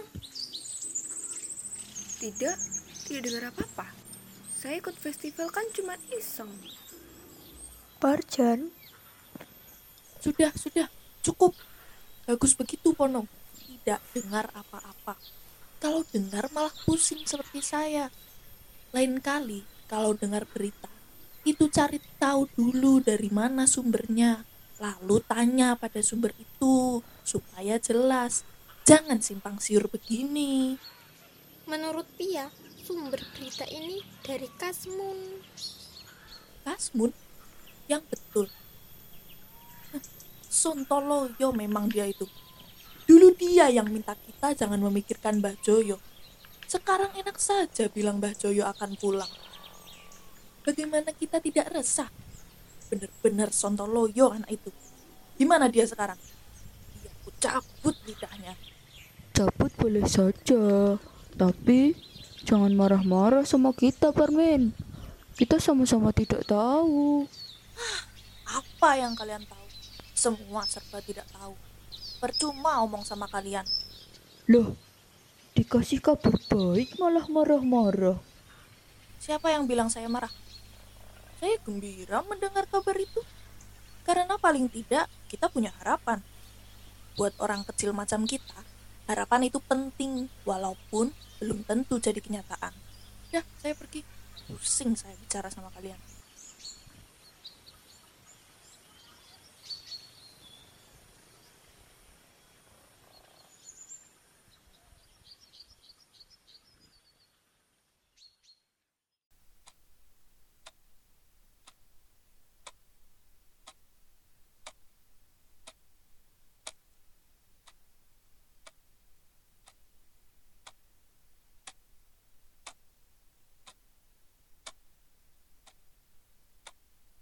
Ampun, Pak, ampun. Saya tidak tahan dipandangi seperti ini. Mohon diberitahu apa kesalahan kami. Atau kalau perlu, lebih baik hukumlah kami. Tapi mohon, Pak, jangan pandangi saya seperti ini. Celaka kamu Kasmun, celaka. Celaka kalian semua. Kalau orang melakukan kesalahan tapi menyadari dirinya berbuat salah, itu masih lumayan. Tapi kalau orang bikin salah dan tidak menyadari dirinya berbuat salah, itu celaka. Dan kalian semua celaka. Duh, maaf loh Pak. Saya betul-betul tidak tahu apa kesalahan saya. Mohon Bapak Sudi memberitahu supaya kami bisa memperbaiki. Begini, begini. Kalau saya umpamakan Pak Jarkoni dan saya sebagai sopir andong misalnya. Lalu siapa keneknya? Kami, Pak. Lantas siapa penumpangnya? Warga desa ini, Pak. Nah, nah, nah.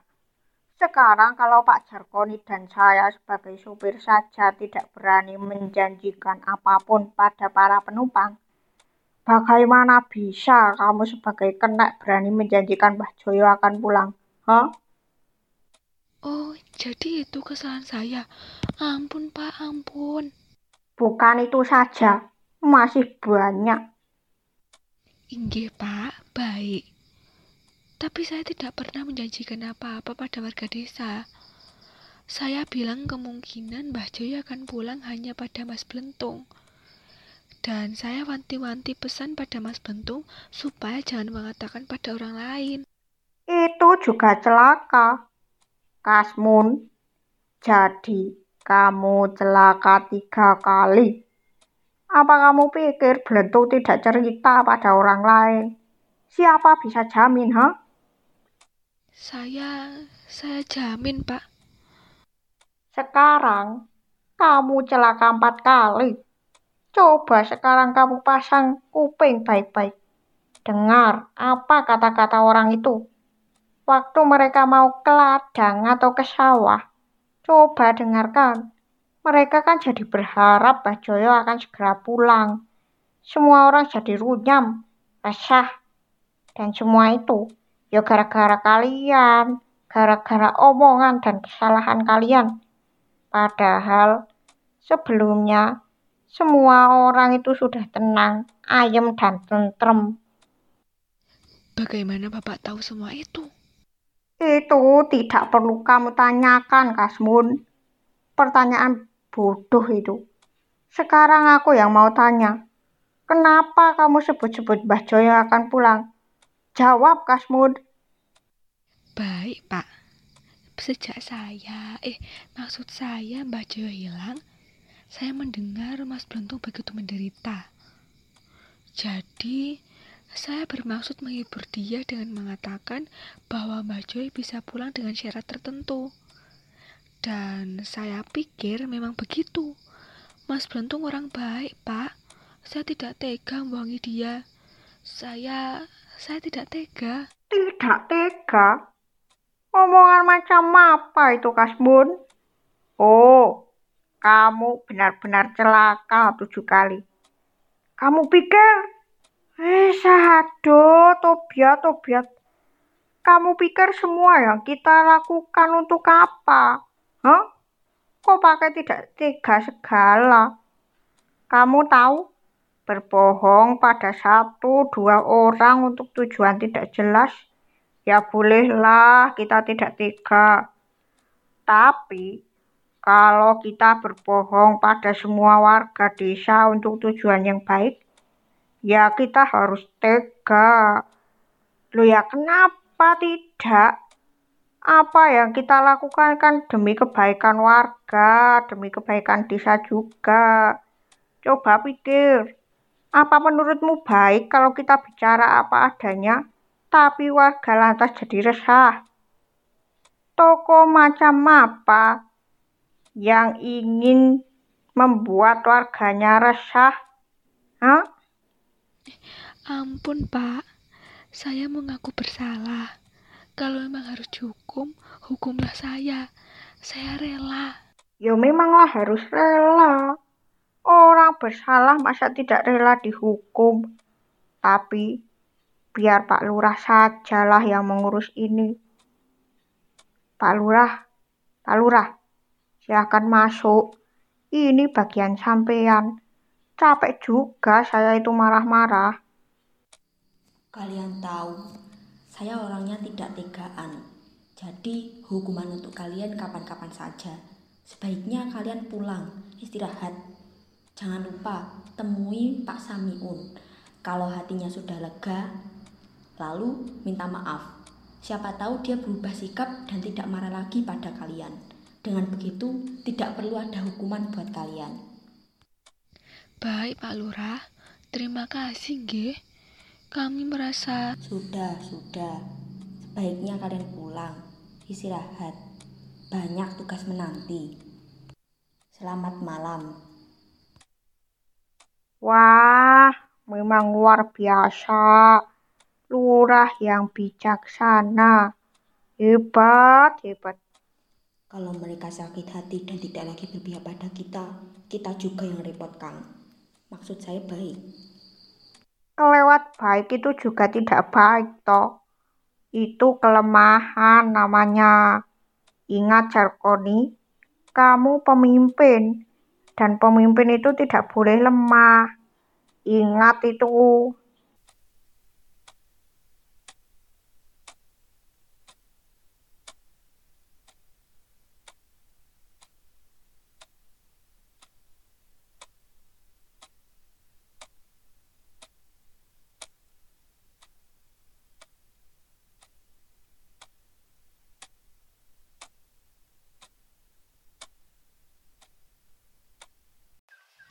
Kalau gini tidak tahan aku. Tobat, tobat. Sing tenang Kasmun, sabar. Pak Jarkoni kau wis ngomong. Nek Samiun wis ora jengkel, dewek teh ngadep maring kewong. Terus masalah rampung.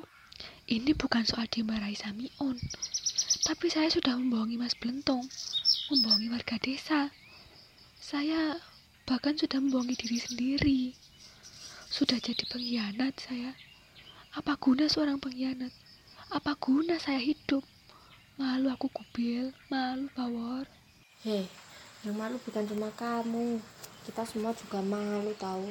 Tapi apa daya, kita cuma korban. Tapi ngomong-ngomong, kenapa kamu mesti bohong sama Mas Buntung, Mon? Malah tanya. Kan kamu sendiri yang waktu itu usul.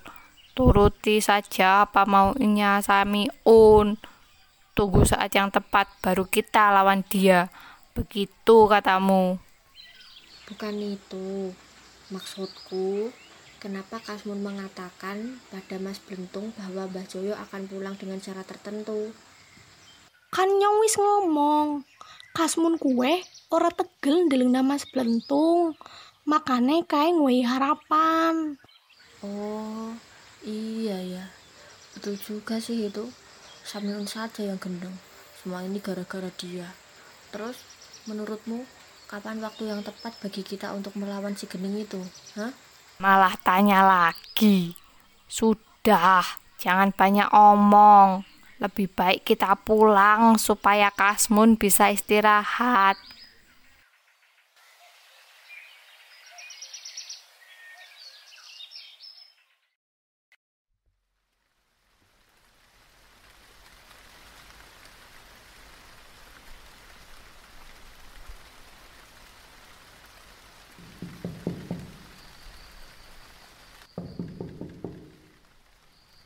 Mbak Yu, Mbak Yu, ini saya. Tolong buka pintu. Oh, ada Ade Jarkoni. Maaf, sudah membuat lama menunggu ya. Saya tidak dengar. Maklum, kuping tua. Tidak apa Mbak Yu, sayalah yang minta maaf karena bertamu malam-malam begini. Apa ada yang penting? Tentu Mbak Yu. Kang Mas, Ya, dia sudah tidur dari tadi. Mana pernah dia tidur lewat dari jam 9. Tidak apa-apa, nanti saya bangunkan. Oh, tidak perlu. Malah kebetulan saya ada perlu sama Mbak Yu. Saya? Oh begitu. Aduh Mbak Yu, kangen sekali rasanya. Ah, Loh, katanya ada perlu. Kok malah jadi begini? kangen itu keperluan saya Mbak Yu. Oh, Dek Jarkoni, kalau boleh saya jujur, saya juga sangat kangen. Walah, jagat Dewa Batara, kenapa ada rasa yang disebut kangen? Kenapa rasa itu ada di hati dan tertuju padamu, Dek Jarkoni? Kenapa malah bukan pada suamiku seorang? Mbak Yu, tenang Mbak Yu, tenang. Jangan keras-keras. Nanti Kang Mas bangun. Biar saja dia dengar. Kan tidak ada salahnya dia tahu apa yang sedang terjadi pada istrinya. Kalau perlu, biar semua tetangga dengar. Ini sebuah keajaiban. Apa salahnya? Iya kan? I- iya Mbak Yu, boleh saja. Mbak Yu merasa begitu.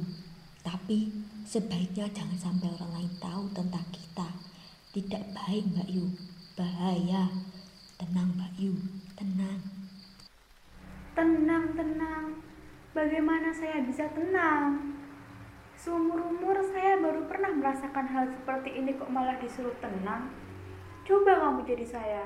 Apa kamu juga bisa tenang? Enak saja.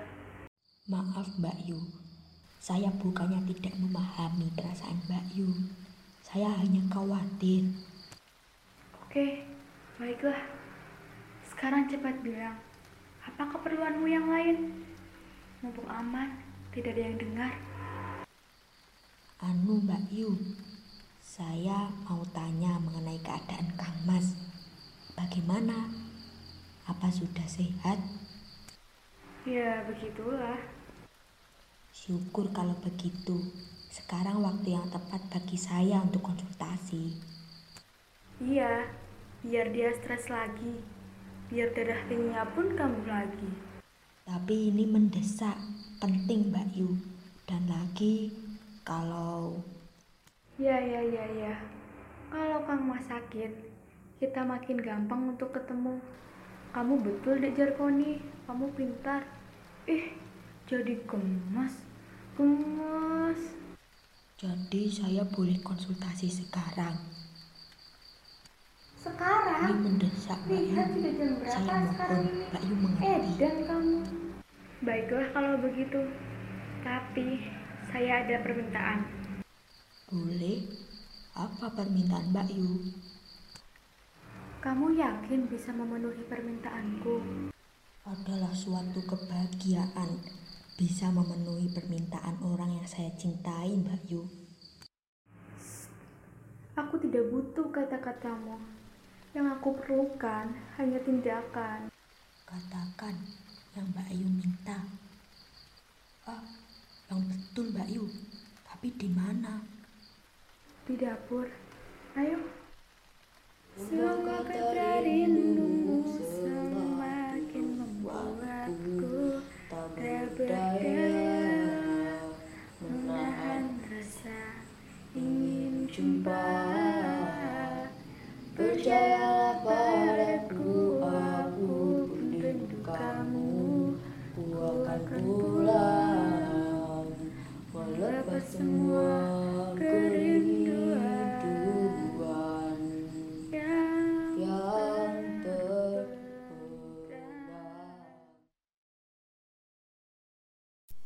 Bu, Ibu, mana tehnya, Bu? Bu, Ya, ya. Oh, sudah bangun. Sebentar ya. Saya kira belum bangun. Ini baru mau saya bangunkan. kenapa toh Bu tidak coba kamu bangunkan? Tidak perlu mimpi aneh-aneh saya ini. Mimpi aneh-aneh bagaimana, toh, Pak? Ya pokoknya aneh. Belum pernah saya mimpi seperti tadi. Saya khawatir ini syarat buruk untuk desa kita. Saya mesti cerita sama Jarkoni secepatnya. Isyarat buruk bagaimana maksudmu, Pak? Wis, nanti saja saya ceritakan kalau ada Jarkoni.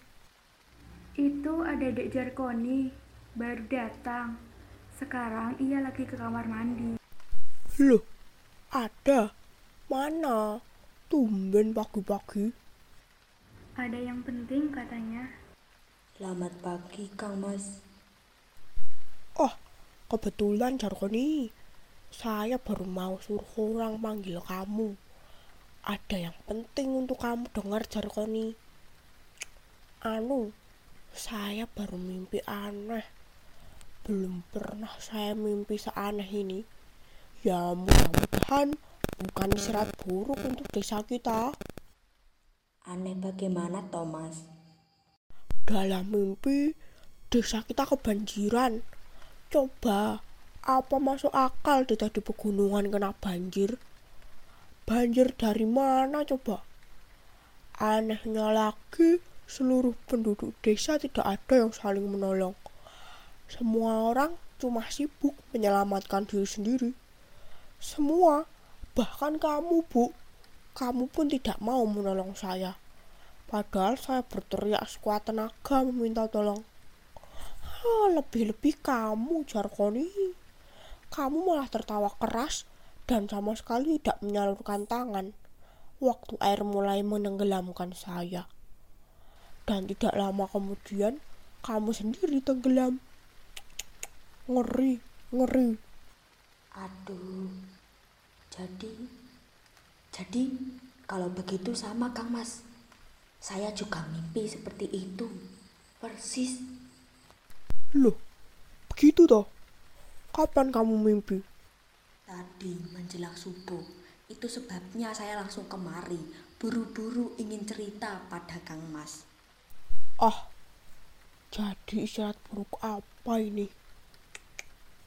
Jangan beranggapan buruk dulu, Pak. Mimpi kan bisa saja cuman kembalinya orang tidur. Loh, ini lain, Bu. Firasat saya mengatakan ini hal yang buruk.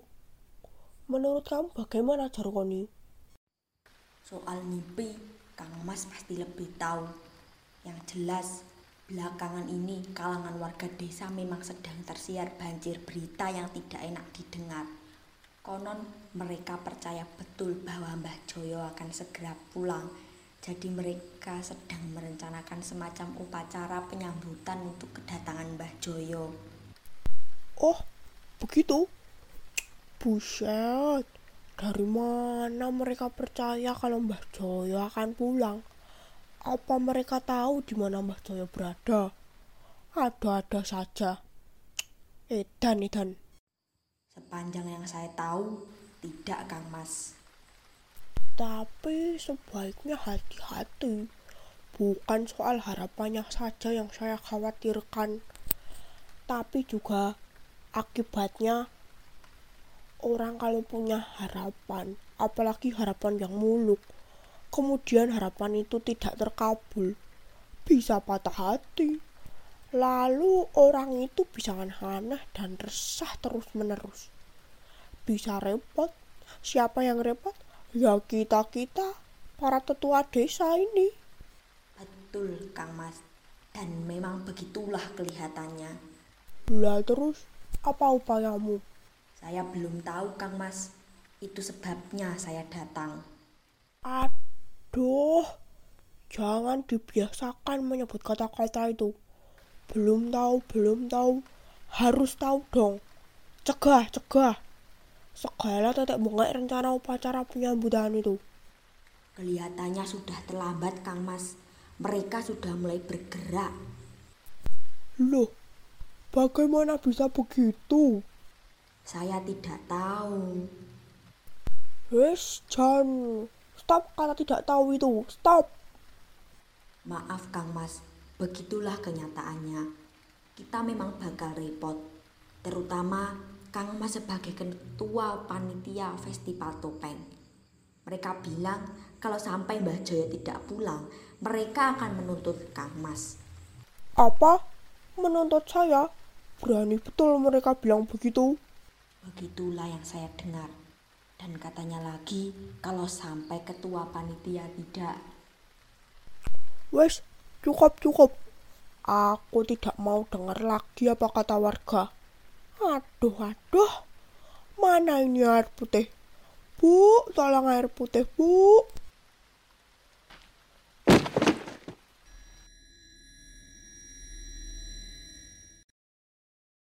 Sukses kamu, Dek Jarkoni. Sukses. Tapi seharusnya tidak perlu sekeras itu. Tidak kusangka, di balik sikapmu yang lemah lembut, tersimpan kekejaman yang luar biasa. Saya capek, Mbak Yu. Terlalu lama menjadi bayang-bayang Kang Mas. Maafkan saya. Capek saya.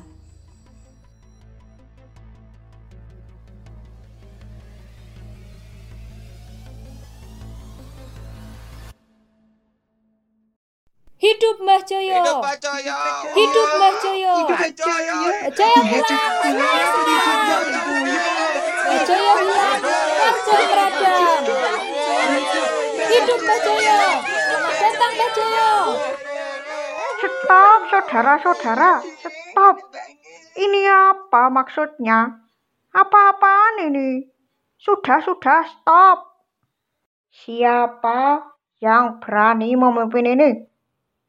Jawab, siapa yang berani memimpin ini? Kamu, Kirno? Tidak ada. Tidak ada yang memimpin kami. Ini inisiatif sendiri-sendiri. Sendiri-sendiri. Untuk apa pemimpin?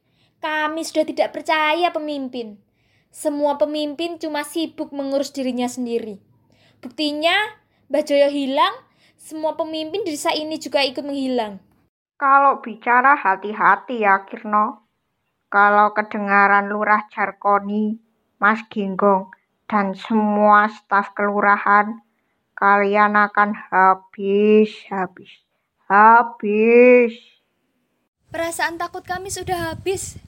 Kami tidak takut. Kami sudah bosan takut. Jangan bilang kami. Siapa kami? Jangan bawa-bawa orang lain. Katanya inisiatif sendiri-sendiri. Apa salah kami?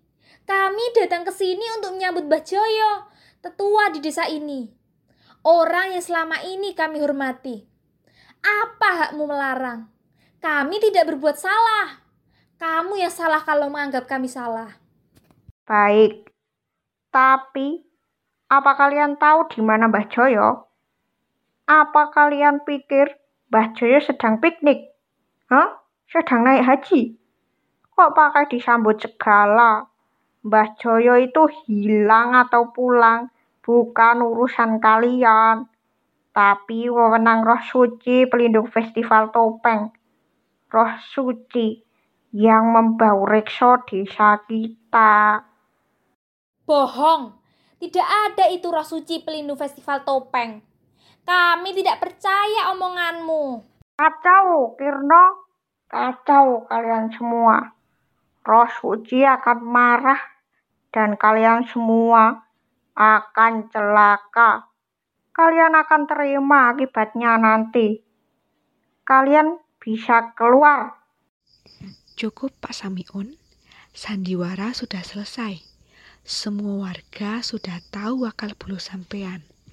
Kasmun, apa maksudmu itu? Berani betul kamu bicara begitu? Kasmun betul, Kang Samiun. Sandiwara sudah selesai. Mbah Joyo orang baik. Dan kita tahu semua warga desa mengharapkan beliau pulang. Tidak ada alasan lagi menahan beliau lebih lama pulang. Tapi ini orang sudah melanggar aturan. Betul. Tapi bukan berarti boleh memperlakukan Mbah Joyo sewenang-wenang. Itu juga melanggar aturan. Kamu itu mau mengkhianati Mas Genggong atau mengkhianati saya? Saya melakukan apa yang menjadi tuntutan warga desa. Saya lurah. Kamu itu tidak akan jadi lurah tanpa dukungan saya dan Mas Genggong. Dulu iya, tapi sekarang pasti berbeda. Semua tahu nanti Mbah Joyo pulang karena upaya saya. Dan warga pasti akan terus mendukung saya. Warga itu sudah tahu kalau kamu terlibat penahanan Mbah Joyo. Itu tidak masalah. Warga juga tahu saya yang membebaskan Mbah Joyo. Jadi impas. Tapi warga juga sudah tahu kalau kamu itu melindungi orang yang melanggar aturan. Lah kamu itu lurah macam apa? Warga pasti tidak akan suka. Semua warga berpihak kepada Mbah Joyo. Jadi aturan itu akan saya ubah. Aturan kan dibikin berdasarkan kebutuhan. Namanya boleh saja festival topeng. Tapi kalau warga ingin tidak selalu pakai topeng pada setiap festival, ya boleh saja. Jangan dipaksa. Wajah kita kan topeng juga, susah amat. Wis kacau kamu Jarkoni. Pengkhianat. Pengkhianat. Sekali lagi, saya melakukan apa yang menjadi tuntutan warga. Saya lurah, pemimpin. Dan sampean selalu bilang pemimpin tidak boleh lemah. Harus tegas dan harus berani mengambil inisiatif. Ingat itu.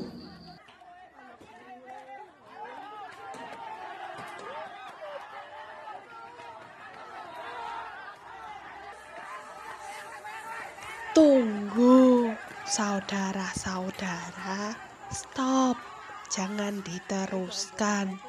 Tidak boleh begitu. Lepaskan, lepaskan dia. Dia yang menyuruh orang untuk menculik Mbak Joyo. Dia layak mendapat hukuman itu. Loh, Mbah, apa kabar? Sehat, Mbah? Kabar baik, sehat, sehat. Kasmun, dari mana kamu tahu Samiun yang menyuruh orang untuk menculik saya? Dia yang menyuruh saya bohong pada semua warga. Yang melarang warga menyambut kedatangan Mbah Joyo juga dia. Itu baru dugaan. Wong saya yang diculik saja tidak tahu siapa yang menculik. Ciri-cirinya ya tidak tahu. Wong saya dikerudungi sarung. Eh eh eh, itu Samiun, lepaskan dulu. Ayo. Apa Mbah Joyo diperlakukan apik pas ditahan? Mbah, sebaiknya Samiun jangan sampai dilepas. Kita malah harus tangkap semua orang yang kita curigai. Tunggu saudara-saudara, jangan keburu nafsu. Sabar. Dalam keadaan begini, kita harus tenang, harus berpikir jernih. Kalau tidak, akan lebih kacau. Desa kita sejak dulu sudah ayam tentrem, tidak pernah ribut-ribut. Soal saya tidak mau pakai topeng saja, diributkan. Apa salahnya orang tidak mau pakai topeng? Toh, masih banyak orang yang mau memakai topeng. Wajah kita pada dasarnya juga topeng-topeng. Jadi, apa bedanya kita mau pakai topeng atau tidak? Hidup jangan dibikin susah. Soal tangkap menangkap, culik menculik juga jangan dibiasakan. Itu tidak bagus. Perbedaan pendapat itu biasa. Jangankan dengan tetangga, dengan teman atau saudara, dengan anak atau istri saja bisa beda pendapat. Bahkan hati dan pikiran kita yang sering juga beda kemauan. Jadi, apa salahnya perbedaan? Hidup jangan dibikin susah. Orang yang berniat jahat pada akhirnya akan ketahuan, dan alam yang akan menghukumnya. Jadi, jangan repot-repot, tidak perlu balas dendam. Nanti jadi geger terus-terusan. Itu tidak bagus. Lihat ini, saya sehat walafiat, lahir batin, tidak terluka sedikit pun. Percayalah. Nah, saya lihat kalian ada yang bawa tumpeng. Ayo, kita makan. Sudah lama saya tidak makan enak. Ayo, tunggu apa lagi? Ayo, Jarkoni, Miun, Kasmun, Mitro, Bletung, Kirno. Ayo, semua makan. Nanti kita bicara lagi. Wah, Joyo pulang toh. Ya Allah, Mbak. Alhamdulillah. Alhamdulillah. Sehat-sehat ya, Mbak. Ya Allah. Lah, Mbak Joyo. Ya Allah, Mbak Joyo. Mbak Joyo, ya Allah. Mbak. Mbak. Tolong. Tolong. Suami saya. Suami saya. Tolong. Mbak Yu, ada apa? Kang Mas kenapa?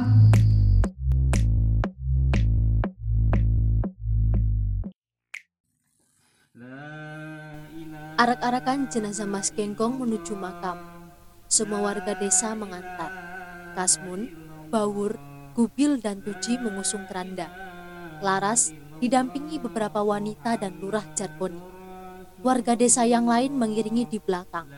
Suasana duka sangat terasa.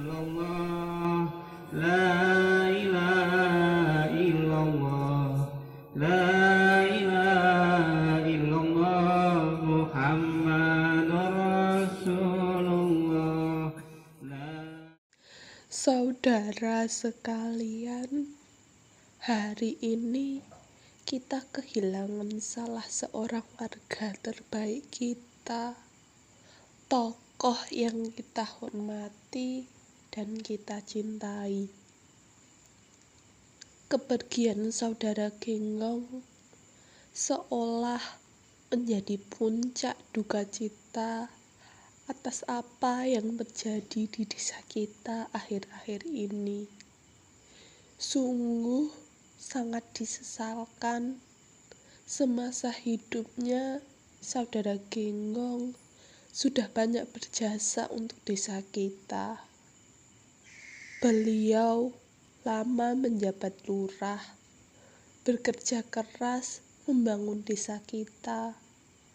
Bahkan setelah memasuki masa pensiun, beliau tetap penuh perhatian dan tetap cawe-cawe dengan kemajuan desa kita.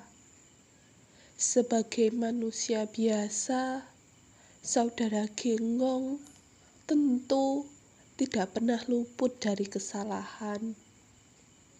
Marilah kita maafkan semua kesalahan dan kekilafan almarhum, agar almarhum berangkat dengan tenang dan mendapatkan tempat yang layak di sisinya.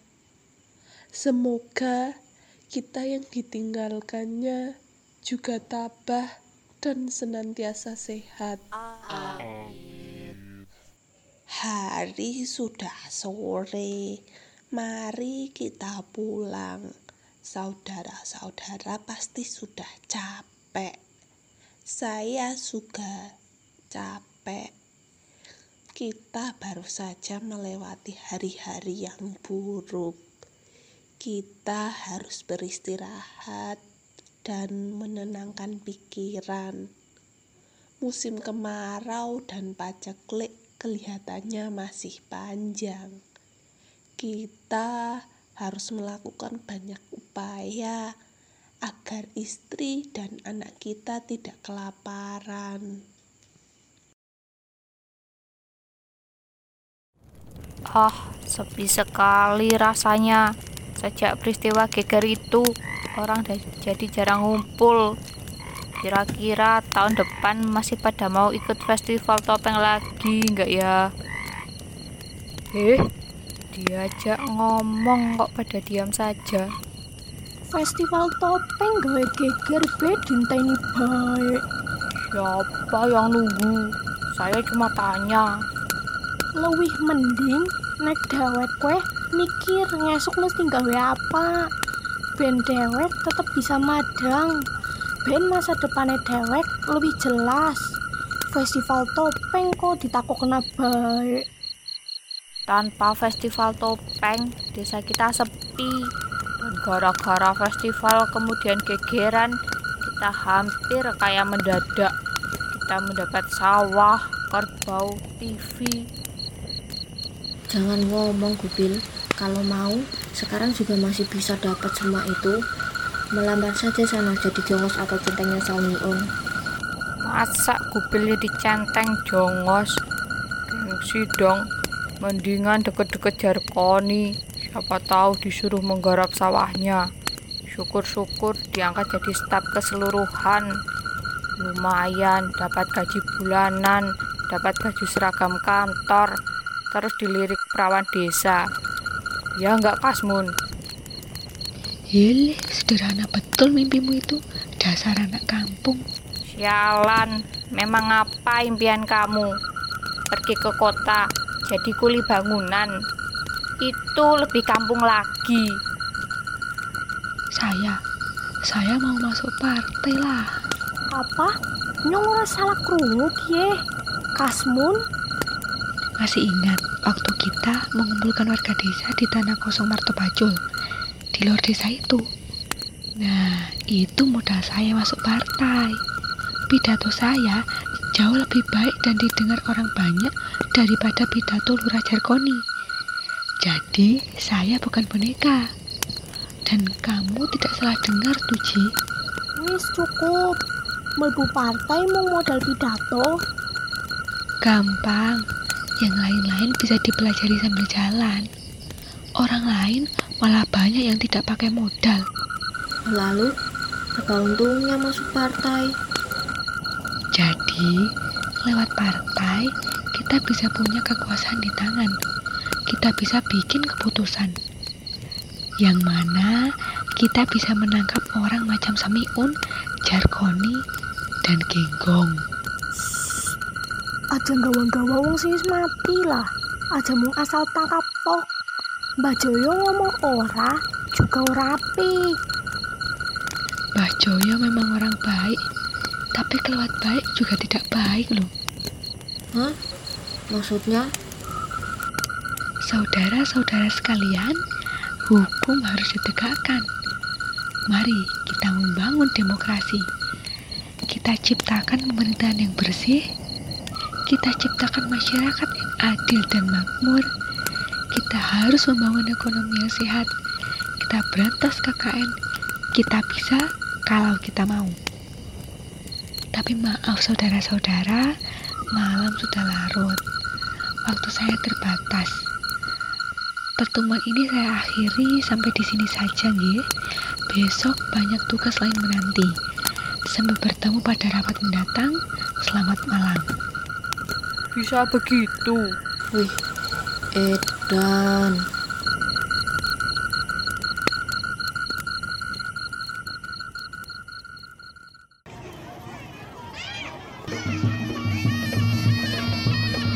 Dua tahun kemudian, festival topeng kembali digelar rupanya. Pesertanya semakin banyak. Kasmun, Bawor, dan Tuji memakaikan banyak topeng lagi. Seluruh tubuhnya nyaris tertutup topeng-topeng. Di antara bunyi ketabuhannya penuh greget, para penonton berolok-olok, terutama pada Kasmun. Wah, meriah betul bro. Ini lebih meriah dari tahun-tahun sebelumnya. Wah, wah, wah, wah. Iya ya, pesertanya juga paling banyak. Kalau tidak, dong. Tahun ini kan sumbangan kita juga paling banyak. Kasbun kamu hebat. Topengnya banyak sekali. Coba dari dulu kamu ikut. Eh, pasti festival topeng ini menarik. Pasti kamu menang, Kasbun.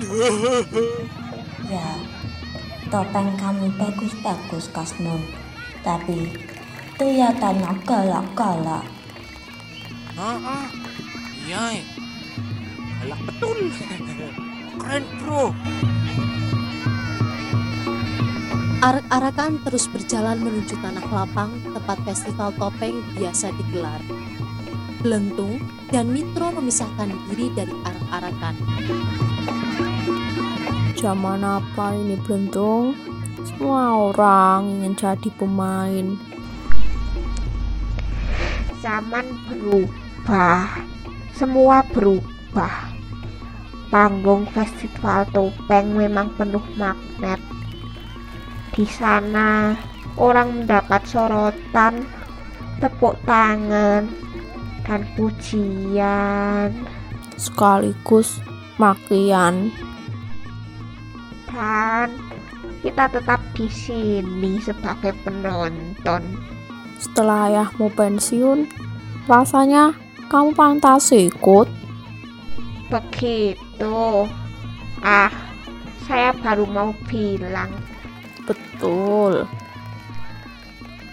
Betul.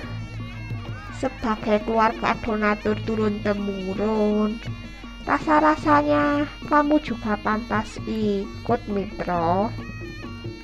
Itu. Ah, aku baru mau bilang. Betul? Ya, betul.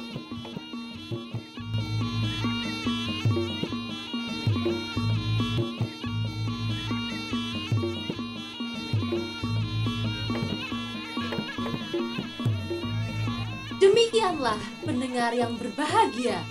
Akhir dari cerita Festival Topeng karya Budi Ros dengan sutradara Bayu Lesmana. Sampai jumpa di Genika selanjutnya.